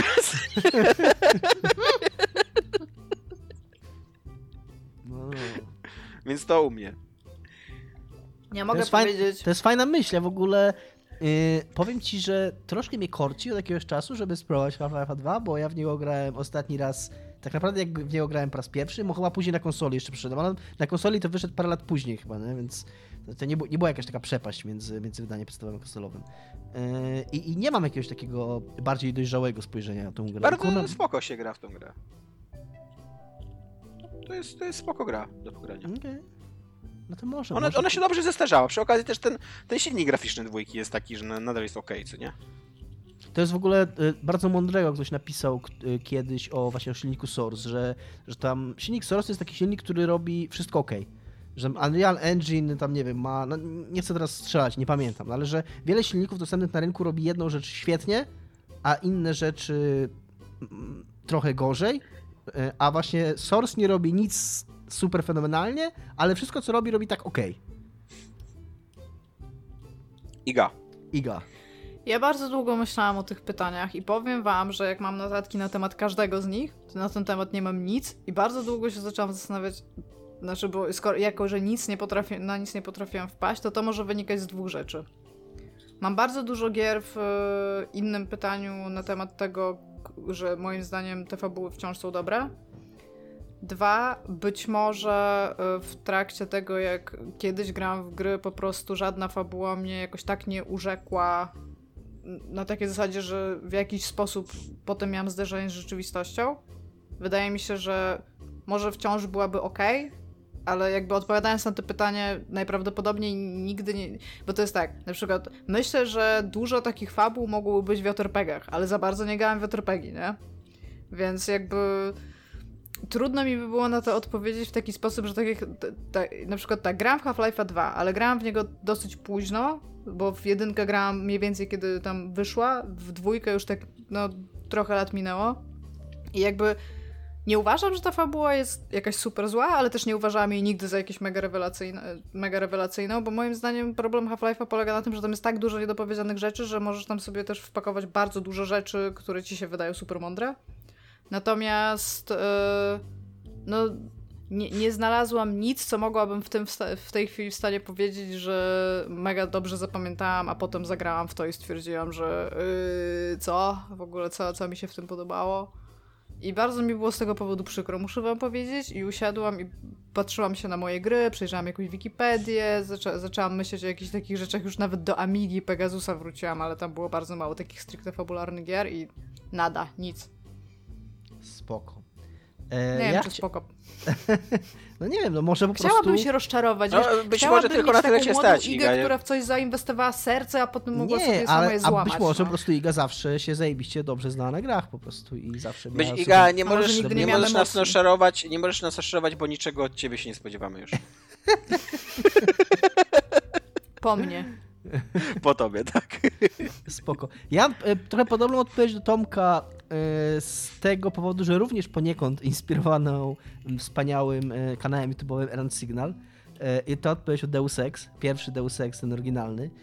To jest gra z, z 2000 roku i to jest gra, w którą autentycznie jak się chodziło, te, tak, w ogóle jak wtedy byłem, jak się chodziło do szkoły, miałeś te 15-16 lat i się trochę interesowało grami, to to była kurde tak mądra gra i to jeszcze były czasy, czasy Archiwum Mix, czasy e, no, takiego, wiesz, takiego e, kina czy, czy serial, serialowego science fiction, które do nas powoli trafiało i coraz jakby się z nim zaznajamialiśmy. I taka ta wizja świata, że tam są jakieś korporacje, które nami rządzą i, jakiś, jakiś spisek wielki i jakieś, jakieś Illuminati w ogóle. I to było takie w ogóle, e, oglądałeś to, słuch, e, grałeś tą grę i miałeś takie, o Jezu, to może być prawda, oni naprawdę mogą tam być. Tam, szczególnie, że to jest tak trochę połączone z naszego takiego wychodzenia, bo jednak dla nas początek lat 90., pierwsza połowa lat 90., czyli nasza szkoła podstawowa, to byliśmy, byliśmy już niby w wolnym kraju, już byliśmy niby w tym zachodzie, ale ciągle jakby w tej mocno w tej takiej tożsamości perelowskiej.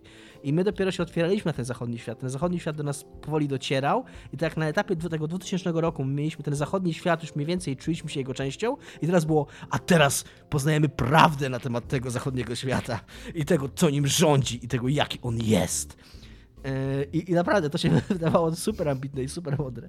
A teraz e, to przede wszystkim, i to jest super mądra myśl e, pana Oderan Signal, że ta fabuła się bardzo źle zestarzała przez to, jak bardzo zmienił się świat. To znaczy. Tak przez to, że kiedyś takie spiskowe teorie może, były ironiczne. Były ironiczne. Ty, my, my byliśmy dziećmi, więc my je odbieraliśmy serio, ale dorosły człowiek wtedy nie, pojrzy, nie patrzył i wiedział, że to jest zabawa tylko że to jest, y, że to jest rozrywka, że to jest science fiction. A teraz, patrząc na świat, w którym ludzie naprawdę w takie teorie wierzą i w którym takie teorie autentycznie przynoszą szkodę światu i krzywdę światu, no, żeby daleko nie szukać antyszczepionkowcy, którzy faktycznie przyczyniają się do tego, że ludzie umierają na świecie i że, i że służba zdrowia jest w dużo gorszej sytuacji niż była.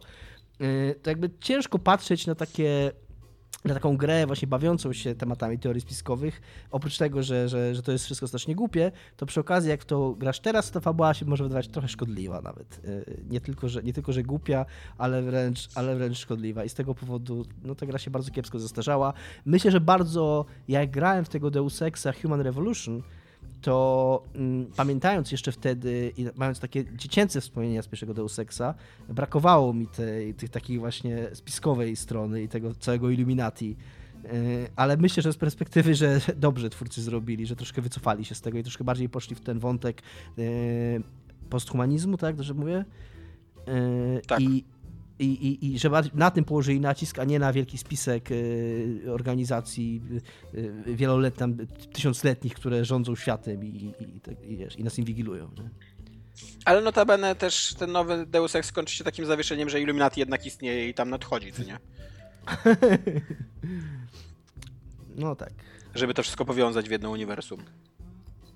To prawda, to prawda. No ale nie było, nie było to aż takie, aż tak mocno mocno podkreślone. A z kolei, czy jest taka gra, którą byście powiedzieli, że jest ciągle dobra fabularnie, że gracie w nią dzisiaj, albo słuchacie o niej dzisiaj i myślicie sobie, że, że to jest ciągle... Ja mam kilka takich spisanych że, właśnie. To jest ciągle the shit. Faktem Daj, tego, mów. że zaczęłam myśleć o grach, które pamiętam w ogóle tak mocniej i stwierdziłam, że nawet na przykład w kilka z nich ostatnio grałam i że totalnie jestem w stanie postawić pieniądze na to, że to, że to jest całkiem fajna fabuła wciąż. I mam tutaj Silent Hill 2, które moim zdaniem no, na fabule jakby wypłyną i moim zdaniem cały czas ta historia jest mocna, emocjonalna, dobrze opowiedziana i no, nie zestarzeje się. Gameplay się może zestarzeć bardzo mocno. Natomiast bardzo się historia... zestarzał ten gameplay, chciałem powiedzieć. tak, ale, ale jest ten. E, mam tutaj gry, e, bo to jest tak, ja, ja nie uważam, że tylko skomplikowane fabuły są e, jakby dobre. I na przykład gry e, tych Oddworld Inhabitants, czyli Apes Odyssey, Apes Exodus, e, tam Munch i to wszystko, czyli ta walka w ogóle e, z kolonizacją i takim bardzo złym wykorzystywaniem zasobów naturalnych i autochtonów w celu ich pozyskiwania.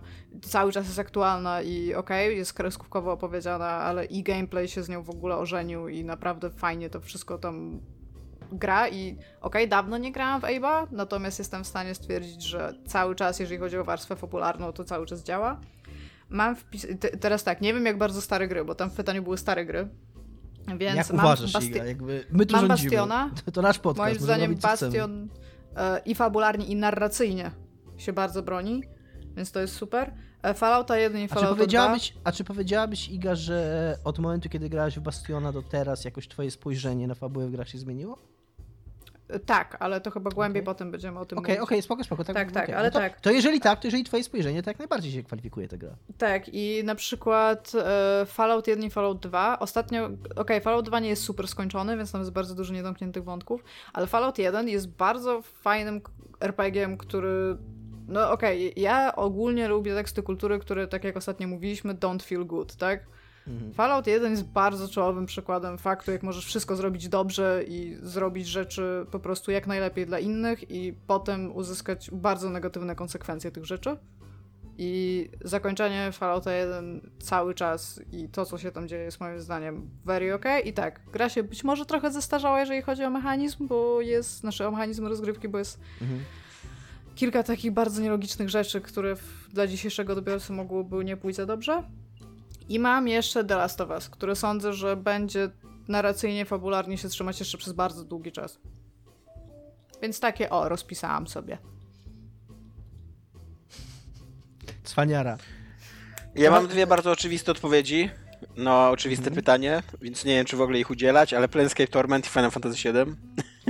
E, I to, że Planescape Torment to wiele razy mówiliśmy, ale Final Fantasy VII moim zdaniem się zaskakująco dobrze zestarzał. Że e, Właśnie to- na, to tak jest- fabularnie też. To jest w ogóle też moja odpowiedź, więc możemy razem.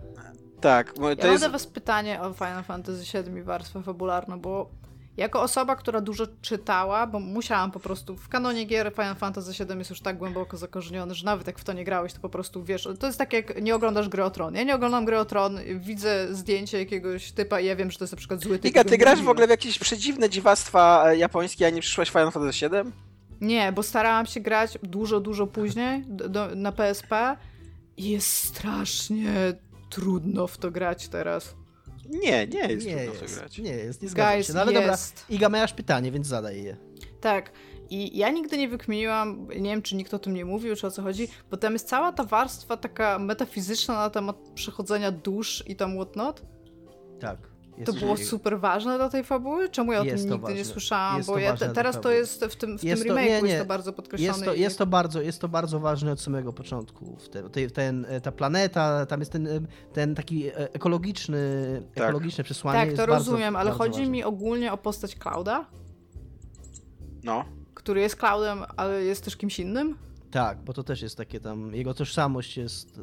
Tak, i to jest, i to jest, to jest dla mnie w ogóle zupełnie nowa rzecz, o której nigdy wcześniej nie wiedziałam. I jakby to, czy to jest mądre? Wiesz co, y, To nie chodzi o to, nie jest jakby, to nie chodzi o to, nie, nie, ale Iga też, e, to jest Nie, nie, nie, ja się was pytam, czy to jest fajnie rozegrane później, bo jak wiecie, To Final jest- Fantasy Remake się kończy w pewnym To momencie. nie jest, y, jakby y, też ja bardzo świadomie y, unikałem słowa mądre w tym pytaniu, bo ja bym nigdy w życiu, bo ja bym nigdy w życiu nie powiedział, że fabuła Final Fantasy VII jest mądra. Ale, ale, ale jest dobra, jest, y, jest taka, jak, jak powinna być w japońskim RPG-u. Ale może te, y, była twoja kolej, Tomek, więc, więc nie będę ci odbierał Znaczy, to co, to, co mnie por- porusza i pociąga w Final Fantasy VII, to jest to, że ona bardzo, bardzo dobrze działa na emocje, ale jednocześnie nie, nie na takim poziomie manipulacji emocjami, bo ona jest bardzo świadoma jakby tego, co robi. Ona y, bardzo dużo jest tam poczucia humoru, bardzo dużo jest takich y, śmiesznych scen, podważania tej, tego całego patosu, który tam się dzieje. Dużo jest takiego mrugania okiem, te postacie są celowo zabawne, śmieszne i tak dalej. I moim zdaniem to jest takie poczucie humoru, które do tej pory działa. Taka lekkość jest Final Fantasy VII, która, który nawet w najpoważniejszych momentach i w takim najbardziej, wiesz, e, na, na, najwię, na, największych momentach patosu nawet wtedy potrafi być jakaś Siri, co nie? I, i, i, i zabawna, i, i, i dowcipna. I to mi się podoba. A przy okazji to jest taki dobrze zrealizowany mi- mit, moim zdaniem, co nie? O, o, o jednostkach, które ratują świat, które tam Dokładnie. ratują planetę właśnie przed zagrożeniem ekologicznym, co nie?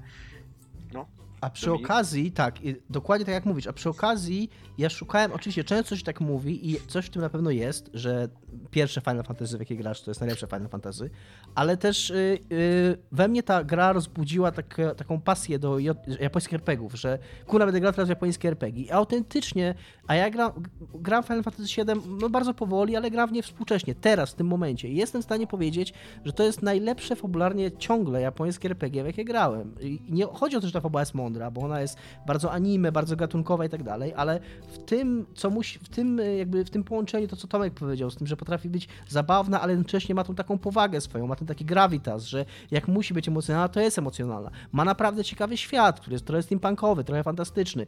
Te, star- te części takie bardzo klasyczne, czyli trójka, czwórka, piątka, takie mocno baśniowe, one z kolei, i też dziewiątka, one są za bardzo takie właśnie silly, jak to Tomek powiedział, takie za bardzo zabawne, lekkie, że trudno się nimi przejmować. Z drugiej strony trzynastka, dwunastka, dwunastka, ja lubię dwunastkę bardzo, ale, ale tak jakby porównując, dwunastka, trzynastka z kolei idą tak bardzo w tą powagę i w to takie traktowanie tego świata na serio, że brakuje im tej lekkości, a właśnie ta siódemka ma wszystko tak jakby wy... Tak, właśnie.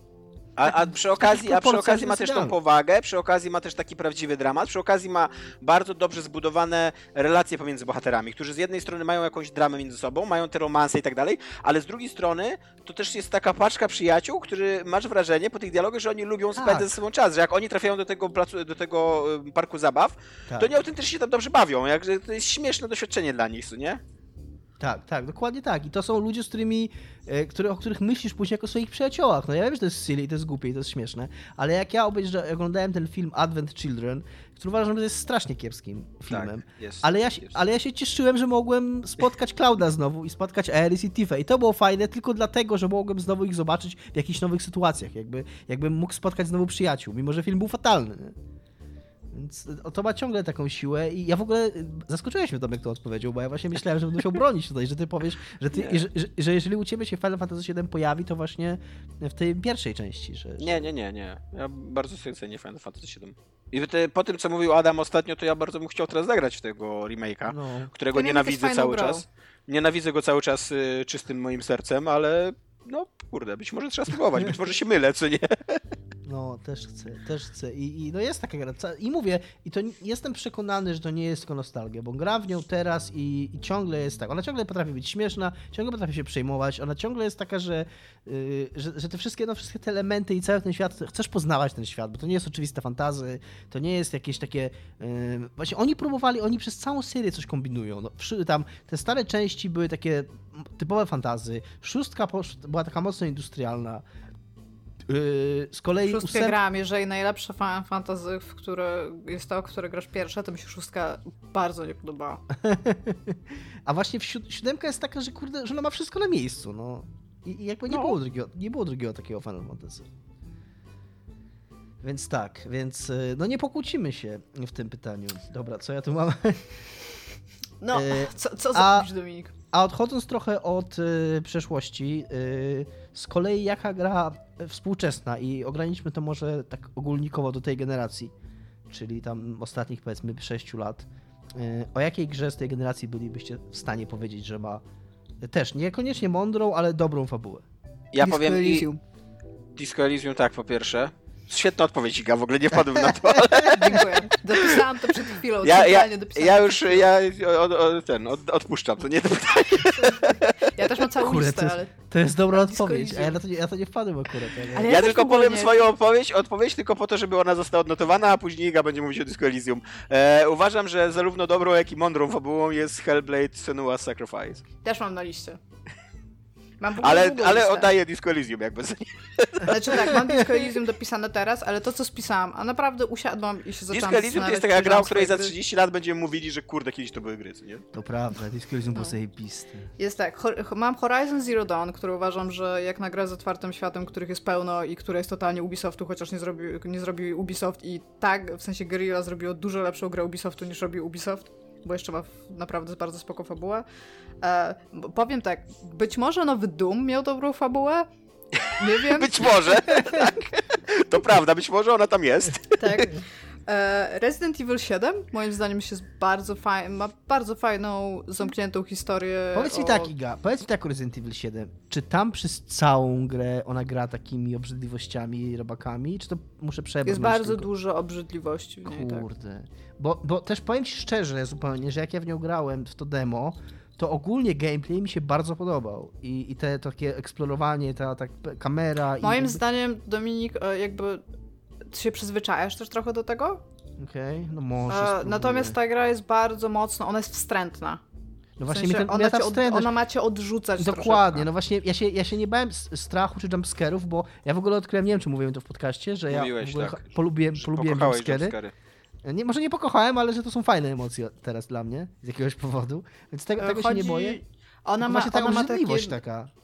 Tak, bo ona ma takie ogólne pojęcie wstrętu, które łączy ze sobą lęk i od, odrzucenie, obrzydzenie, nie? I jakby Mm. e, to jest coś, na czym ona mocno bazuje. Moim zdaniem to jest dosyć silna strona, ale też mam wrażenie, że z czasem jak w nią grasz, bo to nie jest jakaś super krótka gra, Mhm. e, to tak troszeczkę jakby jesteś w stanie nad tym przejść. Jest- a uważam, jest- że jest na tyle dobrze zaprojektowaną i fajną grą, która bardzo czerpie z jedynki i dwójki Resident Evil tak naprawdę. Że naprawdę opłaca się w nią zagrać. A ona ma fenomenalny moment. rewelacyjny level design. Jest fenomenalny moment w tym demie, jak tam, to demo to jest takie, teraz do Tomka mówię głównie i do No, słuchaczy. słucham cię. E, To demo to jest taki, taki opuszczony dom, no, że budzisz się i, ten, i znajdujesz w pewnym momencie taśmę, takie found footage masz, nie? że znajdujesz taśmę e, ludzi, którzy wcześniej byli w tym domu i odpalasz tą taśmę, podchodzisz do e, takiego te, tam starego telewizora CRT i oglądasz tą taśmę i ona jest nagle, e, ty ją rozgrywasz. Sensie, Tak, ty jesteś głównym aktorem. na, nagle jesteś głównym, nagle jesteś człowiekiem, który kręci i idziesz i to jest tak zajebiste, to jest tak fajny To ta gra patent. ma bardzo dużo, bardzo podobnych rzeczy i naprawdę, Dominik, ja szczerze ci polecam Tomek- tę grę i tak, okej, być może ona cię odrzuci na samym początku estetyką, ale to jest jakaś, to jest jakiś, jakaś konwencja i w pewnym momencie jesteś po prostu tak. już like, a, okej. No, dla tak, mnie już okej, jesteś to jak obcy człowiek, ja w ogóle cię nie poznaję, co nie? Dobra, w ogóle, mam, powiem wam Ile my się znamy? To już zapisałam. 13, 14 lat i nagle coś takiego wyskakuje w ogóle. Zapisałam sobie jeszcze e, Red Strings Club. Uznaję to za tą generację. E, na- e, Zapisałam sobie Stardew Valley, bo uważam, że trzeba jakby doceniać fabuły, które są właśnie bardzo dobrze ożenione z gameplayem, ale też przy okazji są po prostu jakby emanują taką normalnością, bo jest bardzo mało no, takich wątków obyczajowych w ogóle w, w grach, co jest spoko. I spisałam sobie to Children of Morta, które ostatnio tak katuje, bo ta historia rodziny, przez to, że to jest roguelike, ale to jest rodzina i widzisz takie, tam są takie małe fragmenty fabularne, że im się coś śni, że rozmawiają, że coś się dzieje w tej rodzinie, to spina tą grę tak bardzo w całość, że ja w ogóle jak grałam, to tego nie było i teraz tą grę odbieram na zupełnie innym poziomie, więc bardzo to doceniam. Takie rzeczy spisałam. Spoko. E, Ja mam trzy gry.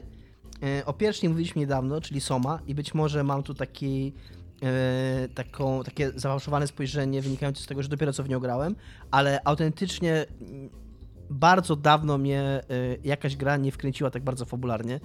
Soma ma So- bardzo, bardzo fajną fabułę. Także, autenty- także autentycznie się przejmowałem, że wstawałem rano i chciałem grać dalej. Nie ze względu na mechaniki rozgrywki, bo tam nie ma za bardzo mechaniki rozgrywki, tylko właśnie ze względu na to, że chciałem wiedzieć, co tam się dalej wydarzy.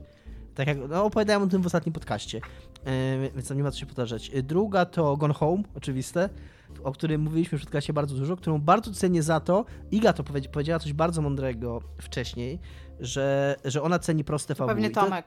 I to jest w ogóle coś, co ja, co mi się zmieniło bardzo yy, w postrzeganiu fabuł, że bardzo doceniam yy, sprawnie opowiedzianą, prostą historię. I no trudno sobie wyobrazić prostszą historię niż historię dwóch zakochanych nastolatek, które odkrywają swoją miłość i uciekają, żeby, żeby zacząć nowe życie razem, yy, z, jakby wolne od, od świata, który je ograniczał. Ale, ale jakby to jej prostota jednocześnie yy, dodaje jej szczerości, że, że fa- jak się komplikuje fabułę i jak próbujesz być taki super, wiesz, super zaskakujący i skomplikowany, to- bardzo łatwo yy, zgubić taką emocjonalną szczerość. A to jest historia, która, którą bardzo łatwo się zide- zidentyfikować. To jest, ona mówi o prostych emocjach, o prostych przeżyciach, które każdy naprawdę yy, na świecie jest w stanie, z którym jest w stanie jakoś tam siebie odnaleźć. Ja E, bym i- może dała jeszcze nagrodę wyróżnienia, to co powiedziałeś przed chwilą. E, pamiętacie wstęp do Firewatch? No. tak, to, był, była- to, to, jest bardzo fajny kawałek wstęp, w tak. ogóle fabularny. Ale ja mam Fire, znaczy no nie wiem, no wstęp okej, ale Wsta- Sam wstęp. Gra idzie nie? później w mega dziwnym kierunku. Ja też nie I- jestem fanem, ja też nie jestem fanem tej gry w ogóle. Przypominam wszystkim, Ja- ja że nie to, że nie jestem robił fanem- zdjęcia y, miejsca zbrodni aparatem i miał je potem na credits. Bo ja myślałem, że to będzie jakoś gameplayowo wykorzystane. Że, przykład będzie, To o, jest, jaki, moja, to jest moje ulubione po prostu. że wiecie, że będę, o, jaki jesteś tam spostrzegawczy, że dobrze zrobiłeś to zdjęcie, to mamy dowody teraz. Dobra, next question. E, Jeszcze miałem trzecią grę, szybko. Nier, Aut- Nier Automata, którego pokochałem. To jest gra, którą ja pokochałem e, współcześnie tak, jak pokochałem Final Fantasy VII za dzieciaka. No. Nie sądziłem jeszcze, że gra jest w stanie e, to ze mną zrobić, że tak, się, że tak w ogóle Wow! Be- że że, w sensie, Zabrzmiało że... dosyć dwuznacznie. Chodzi mi o to, że... że Nie sądziłem, jest że się na to zgodzę jeszcze raz. Nie? Nie, że, że, że będzie w stanie mi zrobić to gra. No, Aha, okej, no. okej, no. Że, że tak, y, tak mnie w taki totalnie, bo to jest też taka bardzo anime, ona, ona jest dosyć mądra, koniec końców, ale też jest taka bardzo anime, bardzo over the top za przeproszeniem, taka bardzo przyrysowana, tam są jakieś androidy, które walczą o przeżycie i tak dalej, Więc tam jest dużo takiej, takiego... y, no, To są takich- bohaterowie, którzy się nazywają Hegel i Nietzsche. Kurwa, pierwszy boss to jest Marx, Marx i Engels. Ja bym chciała powiedzieć, że w Nier Automata jest taki NPS i ja już chyba o nim mówiłam, ale bardzo mnie to rozwaliło, bo ci NPC i te questy poboczne w Nier Automata to, to nie jest dobry kawałek growości w ogóle życiowo, ale jest taki jeden typ, który ma taką w ogóle animację, że on sobie skręca kawa- co, coś w nodze sobie skręca jako android. A, I mówi, że poszedłby coś tam zrobić, ale nie pójdzie, bo, bo nie może za bardzo chodzić, nie? A no i e, Tubi się go pyta, czy e, czy nie może wymienić sobie tej nogi. Ona chyba tak się do, ogólnie pyta.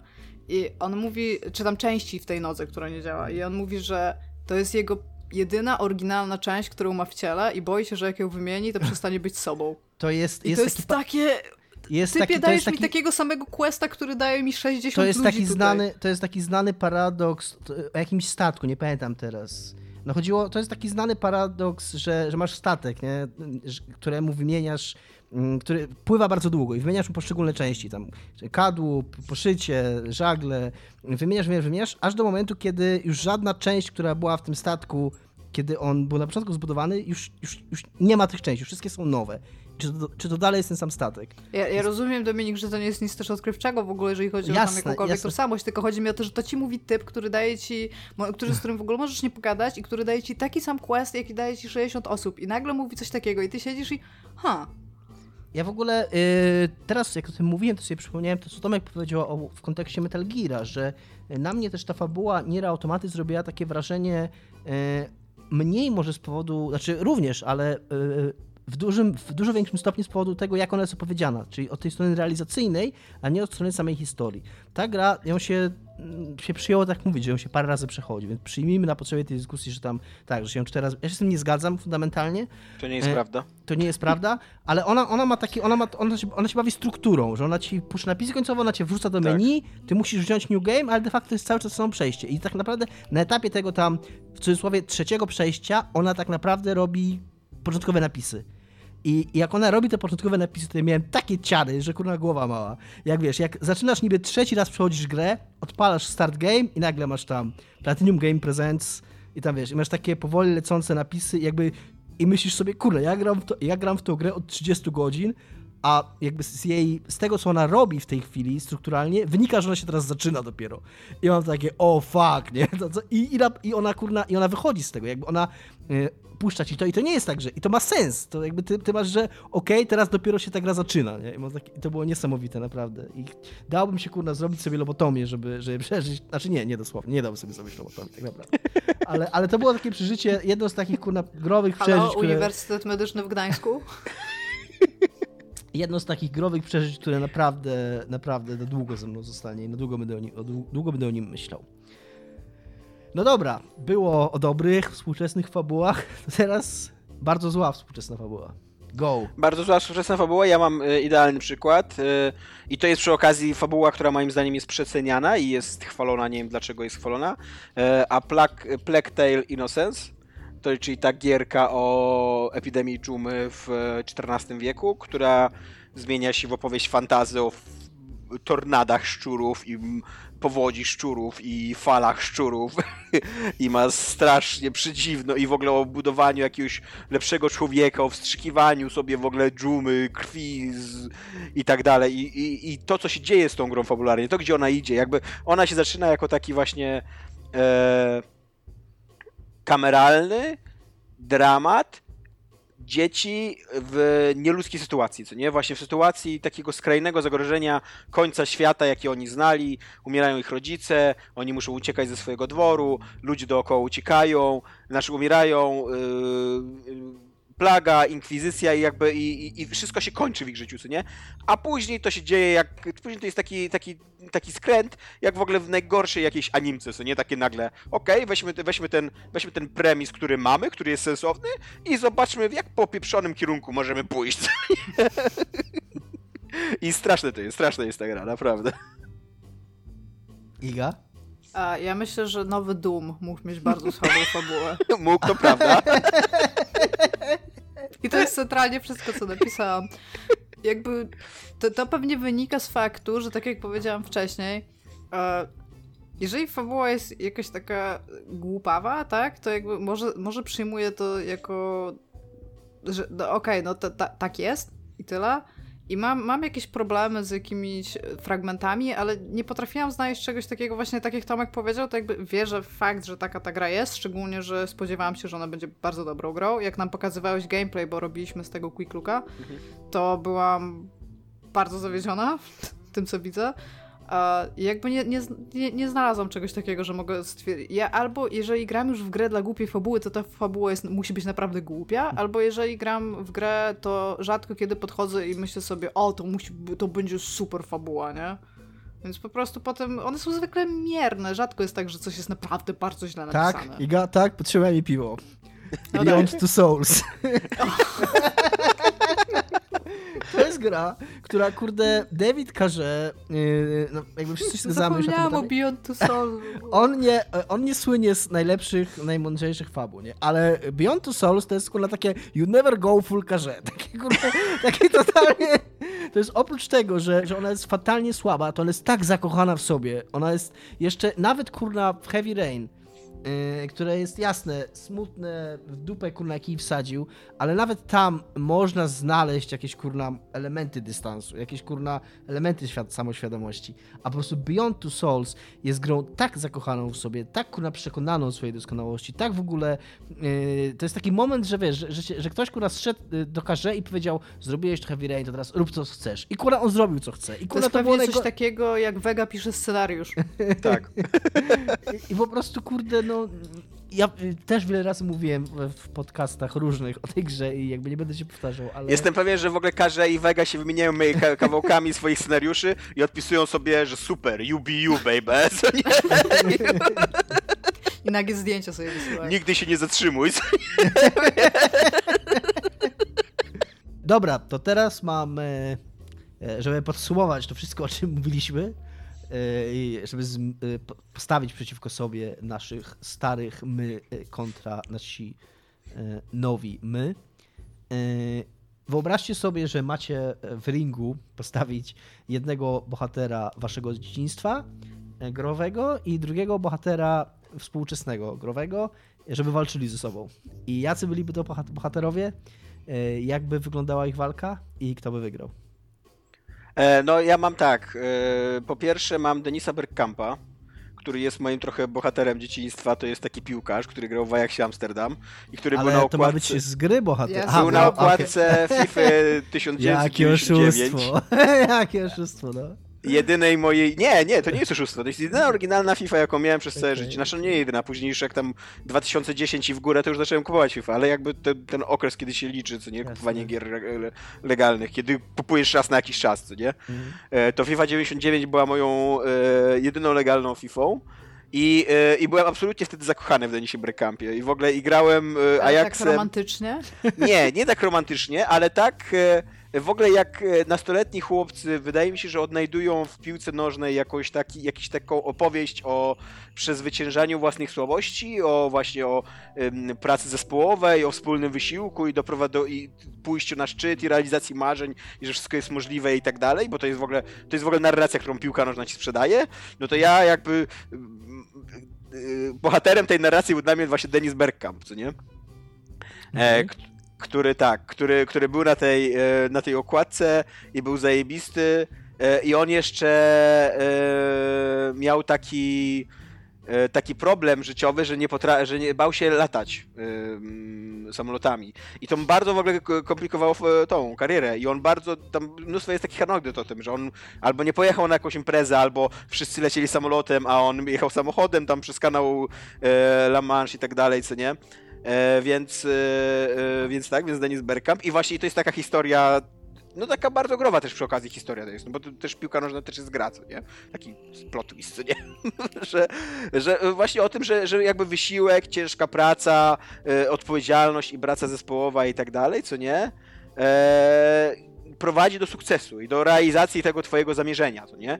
E, a moim współczesnym bohaterem, bo to nie jest tak, że zupełnie zapomniałem o Disco Elysium, e, jest e, Harrier Dubois, tak? Tak się czyta jego Dubois. nazwisko? Dubois.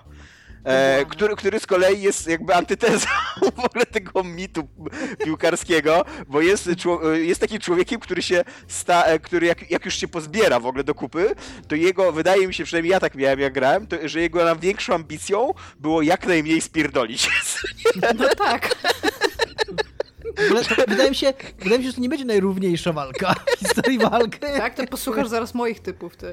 że e, Dubois, e, Harry, e, Harry wie, że jest skazany na porażkę, że już za dużo złych rzeczy się wydarzyło, że jego przeszłość ciągnie go na, na dno, że świat jest niesprawiedliwy i tak dalej, a, i że jedyne, co może zrobić, to, to uczynić, postarać się, żeby ten świat był trochę mniej beznadziejny dookoła niego, co nie? I, i tak, i wiesz co, wydaje mi się, że pewnie Dennis Bergkamp by wygrał i, i że w takim, e, w takim e, popkulturowym postrzeganiu świata to jest fantazja, którą Ale my chcemy Tomek, zrealizować. Tomek, możesz wybrać reguły tej gry, czyli to może być pojedynek na przepicie. Hary, Hary. Nie, ale, ale, e, ale w moim sercu na pewno wygrywa Harry, no, bo, e, bo jest to e, przede wszystkim e, opowieść o Harrym jest dużo prawdziwsza. Nie, dużo... ale mnie chodzi, tutaj nie ma, nie, nie, tu ma być faktyczna walka. Oni mają walczyć, to ma być mecz, tu nie, nie masz mówić kogo wolisz teraz. Ma być, masz ustalić reguły i mają się Nie, no, bić. to, no to nie, no, e, wiesz co... E, e, też Walka jak- słowna. żyjemy, żyjemy niestety, nie żyjemy niestety w niesprawiedliwym, brutalnym świecie, w którym pieniądz i czysta siła fizyczna i siła finansowa i siła taka społeczna i polityczna zawsze zwycięża i nie ma się to tutaj e, nie ma się co oszukiwać i zresztą myślę, że Harry stając do tego pojedynku jakby też wiedziałby, że jest skazany na porażkę i starałby się przegrać po prostu jak najmniej. To jak jest najmniej ładna się wolta. upokorzyć w trakcie To jest tego ładna meczu. wolta, czyli Hale przegrywa, ale tak naprawdę wygrywa. W sercu Tamka już wygrał. No. Kurde, Disco Elysium to była super gra. Była, no mi się przypomniał moment, kiedy rozmawiałam z lustrem i udało mi się wykonać test mojej Nice. ekspresji. I, pamięt- I on mi wyszedł i byłam tak smutna, że mi wyszedł ten test. Heartbreaking po prostu. Ja to, to jest w ogóle gra, która jest tak dobrze napisana, że e, linia boom shakalaka motherfucker pasuje w niej w ogóle idealnie, co nie? E, I am Tequila Sunset. Hi Tequila. Dobra, Iga? słuchajcie, ja myślałam, jaki jest bohater mojego dzieciństwa i po prostu, jak tylko przeczytam to pytanie, to już wiedziałam i to jest Liu Kang. Okej. Też, gra, też Z grałem... Mortal Kombat, Ej, na co? Maxa grałem Liu Kangiem w ogóle w Mortal Kombat. za Tak, ja w ogóle, ja grałam Liu Kangiem w Mortal Kombat 2, wygrywałam nim turnieje w ogóle. Piona Iga w ogóle. Ja Piona grałem Iga za. Liu Kanga. Piątka. Ale z was nerdy, ale z was nerdy. Tak, a z, a z drugiej strony tak się zastanawiam, a kto jest moim współczesnym bohaterem? I siedziałam i pewnie też bym wybrała Harego, ale na to nie wpadłam. I zaczęłam myśleć i tak się spojrzałam na moje gry na PSN-ie i, i stwierdziłam, że to jest Senua. Więc teraz Liu Kang bije się z Senuą. I kto wygrywa? Pojęcia nie mam. No, to, ogóle- by było, to by było ciężkie, bo Senua jest dobrą Planowanie machy w ogóle tam. W ogóle, I tylko chciałem powiedzieć, uważaj, w ogóle uważaj. chciałem powiedzieć, że totalnie moim bohaterem z dzieciństwa w Mortal Kombat nie był Liu Kang. E, po- pomyliłem bohaterów. A kto kim był twój? What? E, Kung Lao, ten z kapeluszem. Właśnie, dlatego ja się tak zajarałem, że, że Liu Kang jest oczywistym wyborem, a właśnie moje, ja, mam, ja zawsze mówię, ja zawsze lubiłem Kung Lao najbardziej, a to jest taki, to jest postać, której nikt nie lubi. Więc To jest myślałem, ojciec Liu Kanga, dude. okej, okej, więc myślałem, że... To ten z kapelusikiem, tak? Tak, tak, Tak. tak. Więc cieszy, cieszyłem się, że Iga lubi tą postać, którą ja lubiłem, ale jednak... Go nawet nie cofam, było w Mortal A Kombat jaki jest 1, wasz ulubiony ninja z Cofam Mortal pionę, Kombat? cofam pionę. Był w dwójce, był w Mortal Kombat 2, tak. Tak. Jaki jest wasz ulubiony ninja? Mój ulubiony ninja jest poza moją ulubioną postacią, Sub-Zero, no. Sub-Zero. Prawda? Tak. No. Jeszcze lubię Johnnego Cage'a. Sub-Zero, bo ma, miał serce mroźne i zimne jak my wtedy. Jeszcze nie znający miłości. Dokładnie. Dokładnie. To, co, to, co powiedział Dominik. Okej. Więc nie wiem jak się biją, ale bardzo chętnie zobaczyłabym co się działo, jak oni by się bili we dwójkę. Nice, nice. Ja mam tak, yy, chcę wam powiedzieć o dwóch grach, które ukształtowały mnie i kształtują ciągle jako człowieka i które są dla mnie najważniejsze yy, w moim rozwoju. Pierwszą jest Command and Conquer. Beyond Two Souls. O, którym już mówiłem, Command and Conquer. I z Command and Conquer wybieram Kane'a, charyzmatycznego... Wybierz z jednej strony jedną duszę z Beyond Two Souls, Nie, drugą nie, nie. duszę z Beyond Two Souls. wy- wybieram Kane'a z Command and Conquer, y, charyzmatycznego przywódcę NOT, y, John Kuchan chyba się nazywał, chyba John. W każdym razie Kuchan miał nazwisko, znaczy Mount żyje ciągle. On był chyba dźwiękowcem wtedy w Westwoodzie za, za czasów tej gry, ale wtedy oni tam z łapanki brali ludzi do tych filmików, więc... Tęsknię za Westwood. Tak, totalnie. E, I on był takim właśnie charyzmatycznym, zwariowanym trochę przywódcą not. On się ch- chyba później okazywało, nie jestem, nie pamiętam, ale wydaje mi się, że się okazywało, że on był obcym w ogóle na etapie jakiejś kolejnej części. A więc mamy przywódcę kultury religijnego, a z drugiej strony mamy Ezio z Assassin's Creed 2. E, Z jednej strony Surprise, motherfucker! który, który, te, który też je, e, jako współczesny mój bohater, który też jest pewnym sensie przywódcą kultury religijnego, albo przynajmniej e, aktorem kultury religijnego, wyznawcą kultury religijnego, asesynów.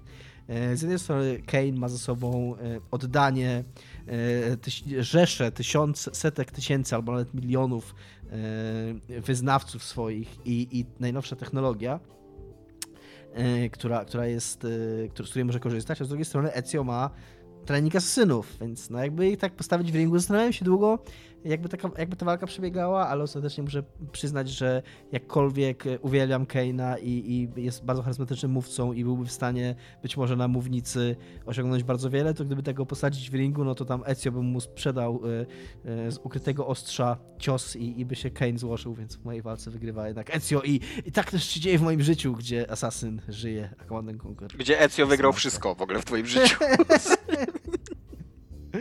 Tak, jest to prawda.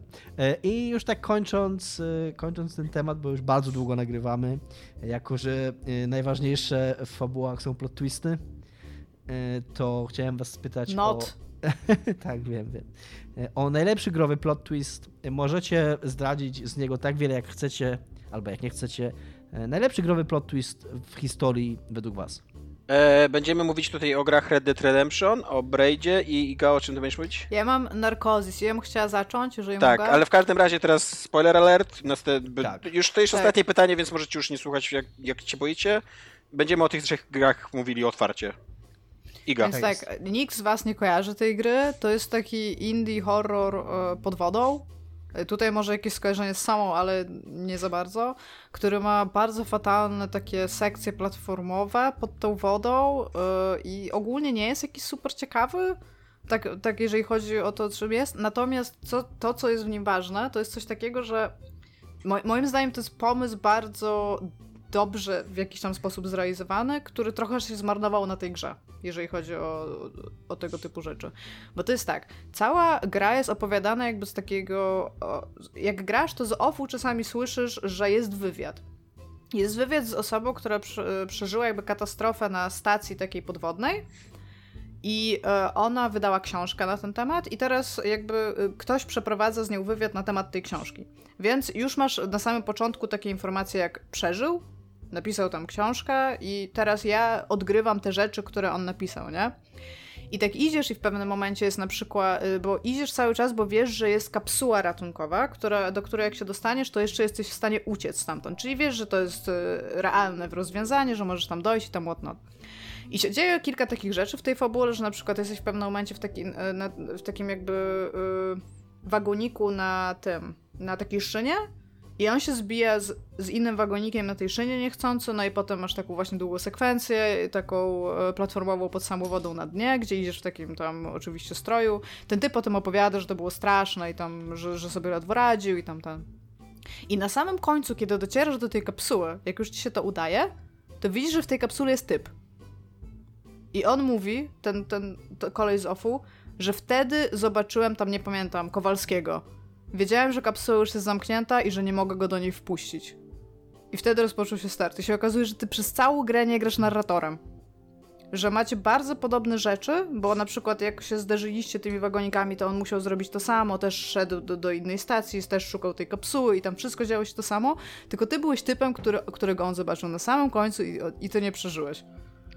I to jest po prostu tak fajny thing, taki jeden bardzo fajny, taki, taki diamencik po prostu, no, wisienka na torcie tej całej takiej bardzo średniej gry, której ogólnie nie polecam, ale to jest bardzo dobrze i bardzo dobrze skonstruowany strukturalnie plot twist na samym końcu, który może trochę ją ratuje, ale nie, nie za bardzo. Był taki film zdaniem. kiedyś z Denzelem Washingtonem o y, policjancie, który prowadzi śledztwo, jak się później okazuje, prowadzi śledztwo w, w sprawie diabła, szatana, który tam na ziemi jest i potrafi się, takiego demona, który potrafi się przenosić pomiędzy ciałami za pomocą dotyku.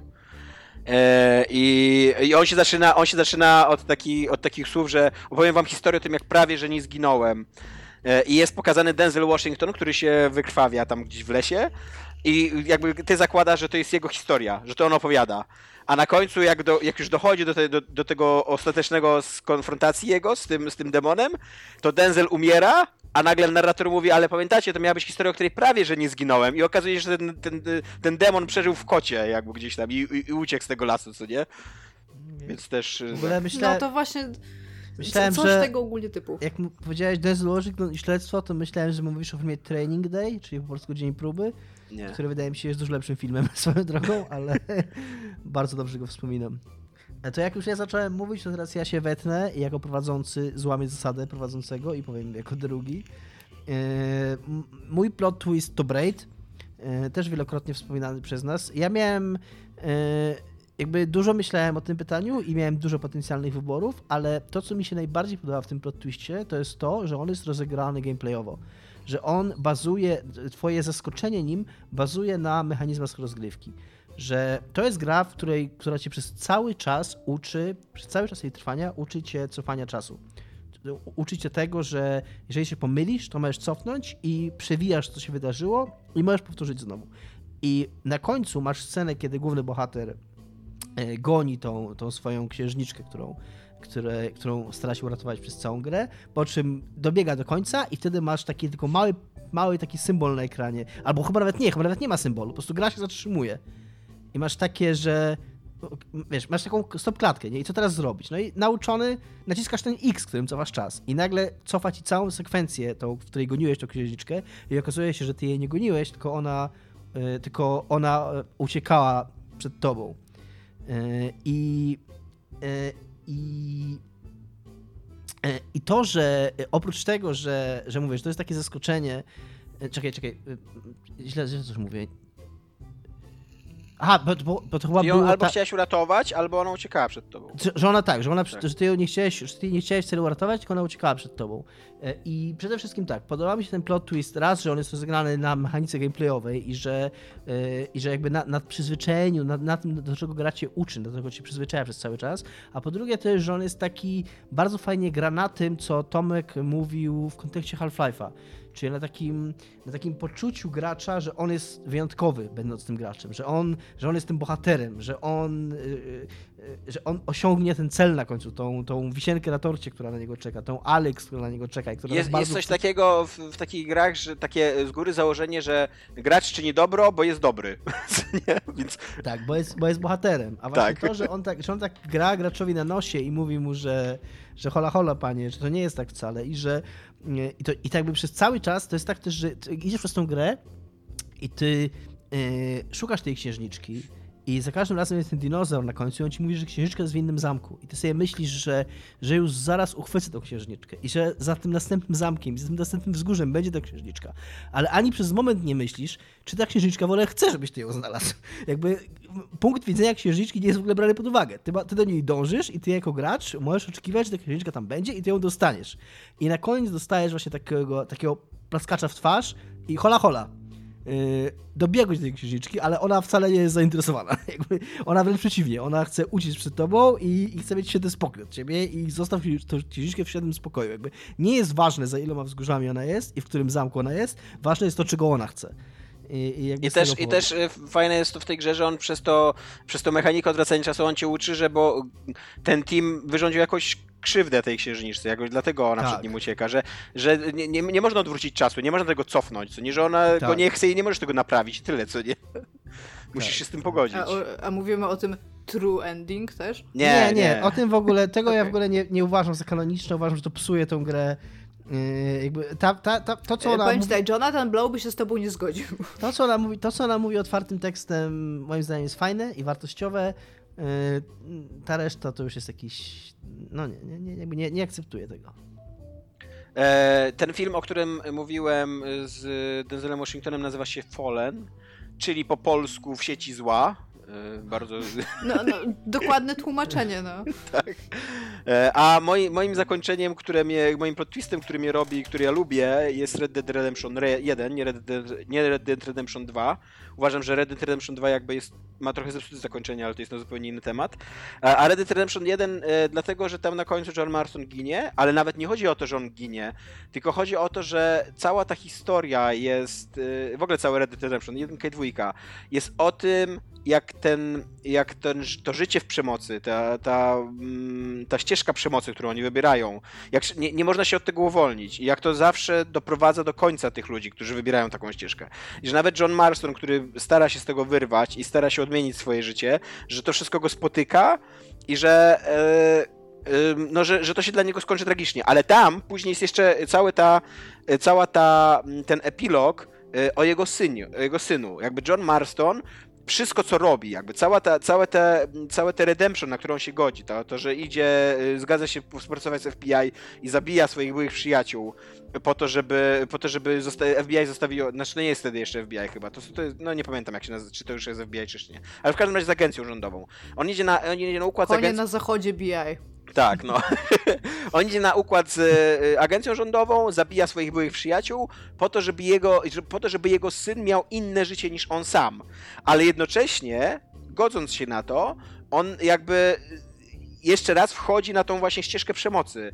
I, I to, że i on jakby on mu, to, to jest zajebiście spójne, że on musi ponieść klęskę właśnie też w temacie wychowywania tego syna, że ten syn widzi, że nie dość, że jego ojciec był kiedyś mordercą, to teraz jest znowu mordercą, to teraz jakby znowu wchodzi, na, sięga po ten pistolet i, i mimo, że John Marston umiera po to, żeby uratować swojego syna, to na końcu okazuje się, że jego syn zostaje takim samym rewolwerowcem jak Marston i zabija w takim, w takim finale, który graczom się może wydawać sprawiedliwy, bo oto tutaj przychodzi syn Marstona i zabija tego agenta federalnego, który zabił mu ojca, ale jak się nad tym zastanowić, to to jest zajebiście gorzkie, bo to dokładnie wszystko, co robił Marston, było, jakby on robił to wszystko po to, żeby jego syn wybrał inne życie, żeby miał szansę na inne życie, a wybiera dokładnie takie samo życie.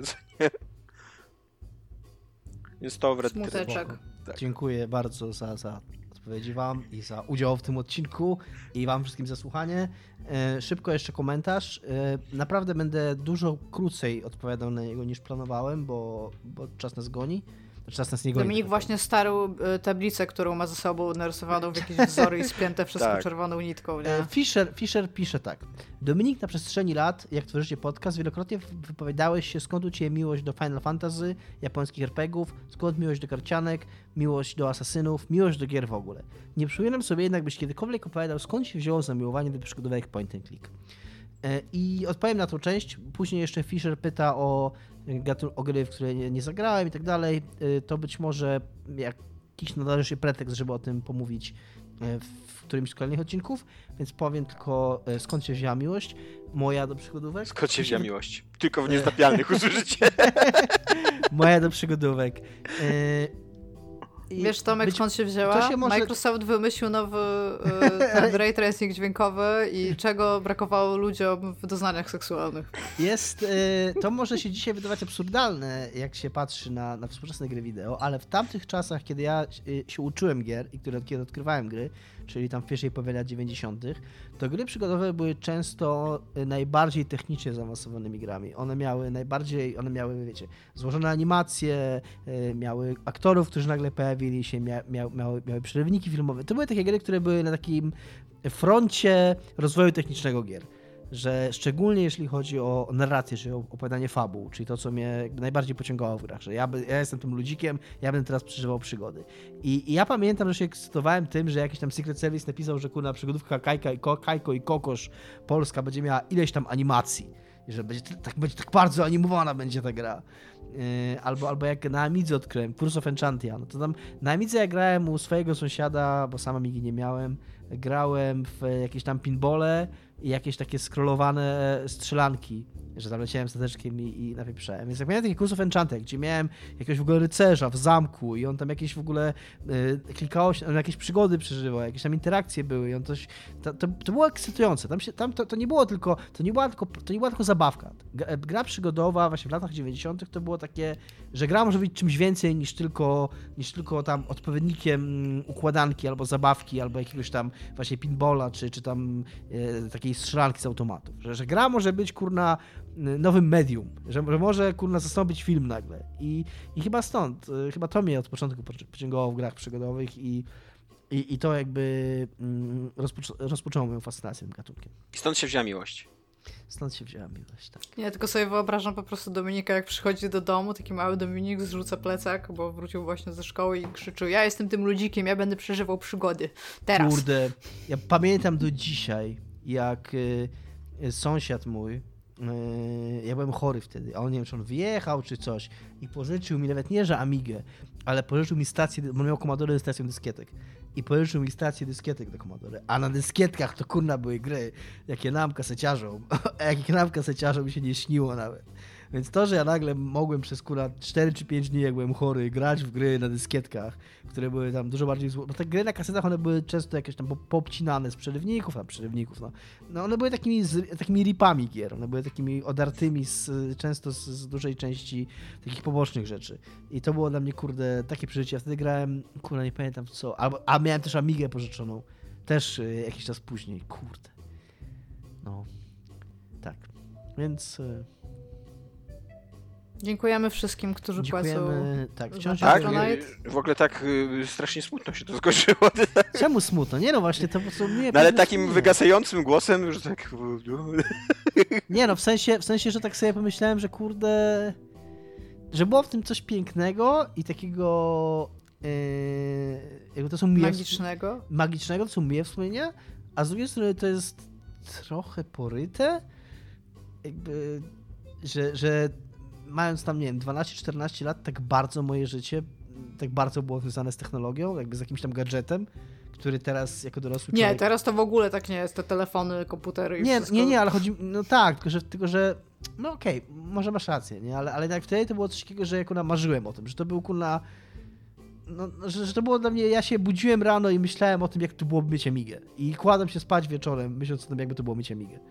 Mm, więc jak miałem tu Amigę na tydzień, to ja byłem, kurde, Wiecie. Happiest domek around. Tak, dokładnie. Czy to jest Dziękujemy również. Czy to było tym... zdrowe, jak na to patrzę teraz? Jakby... Czy gdybym miał Którzy... dziecko, to chciałbym, żeby moje dziecko miało taki stosunek Wpłacają do... nam. Którzy nam nie wpłacają, ale Aha. słuchają nas. Dziękujemy. Jesteśmy Super, że jesteście z nami i tak. Y, w te ciężkie Trzymaj, czasy. Myjcie ręce. To, że nagle otwierają galerie handlowe i żłobki nie oznacza, że wcale jesteśmy totalnie w wyżu. Tak. Dopiero się tak. zbliża nasz wyż e, epidemiologiczny pierwszy. Zostańcie w domu. Tak jest. Tak. To cześć. To papa. Cześć.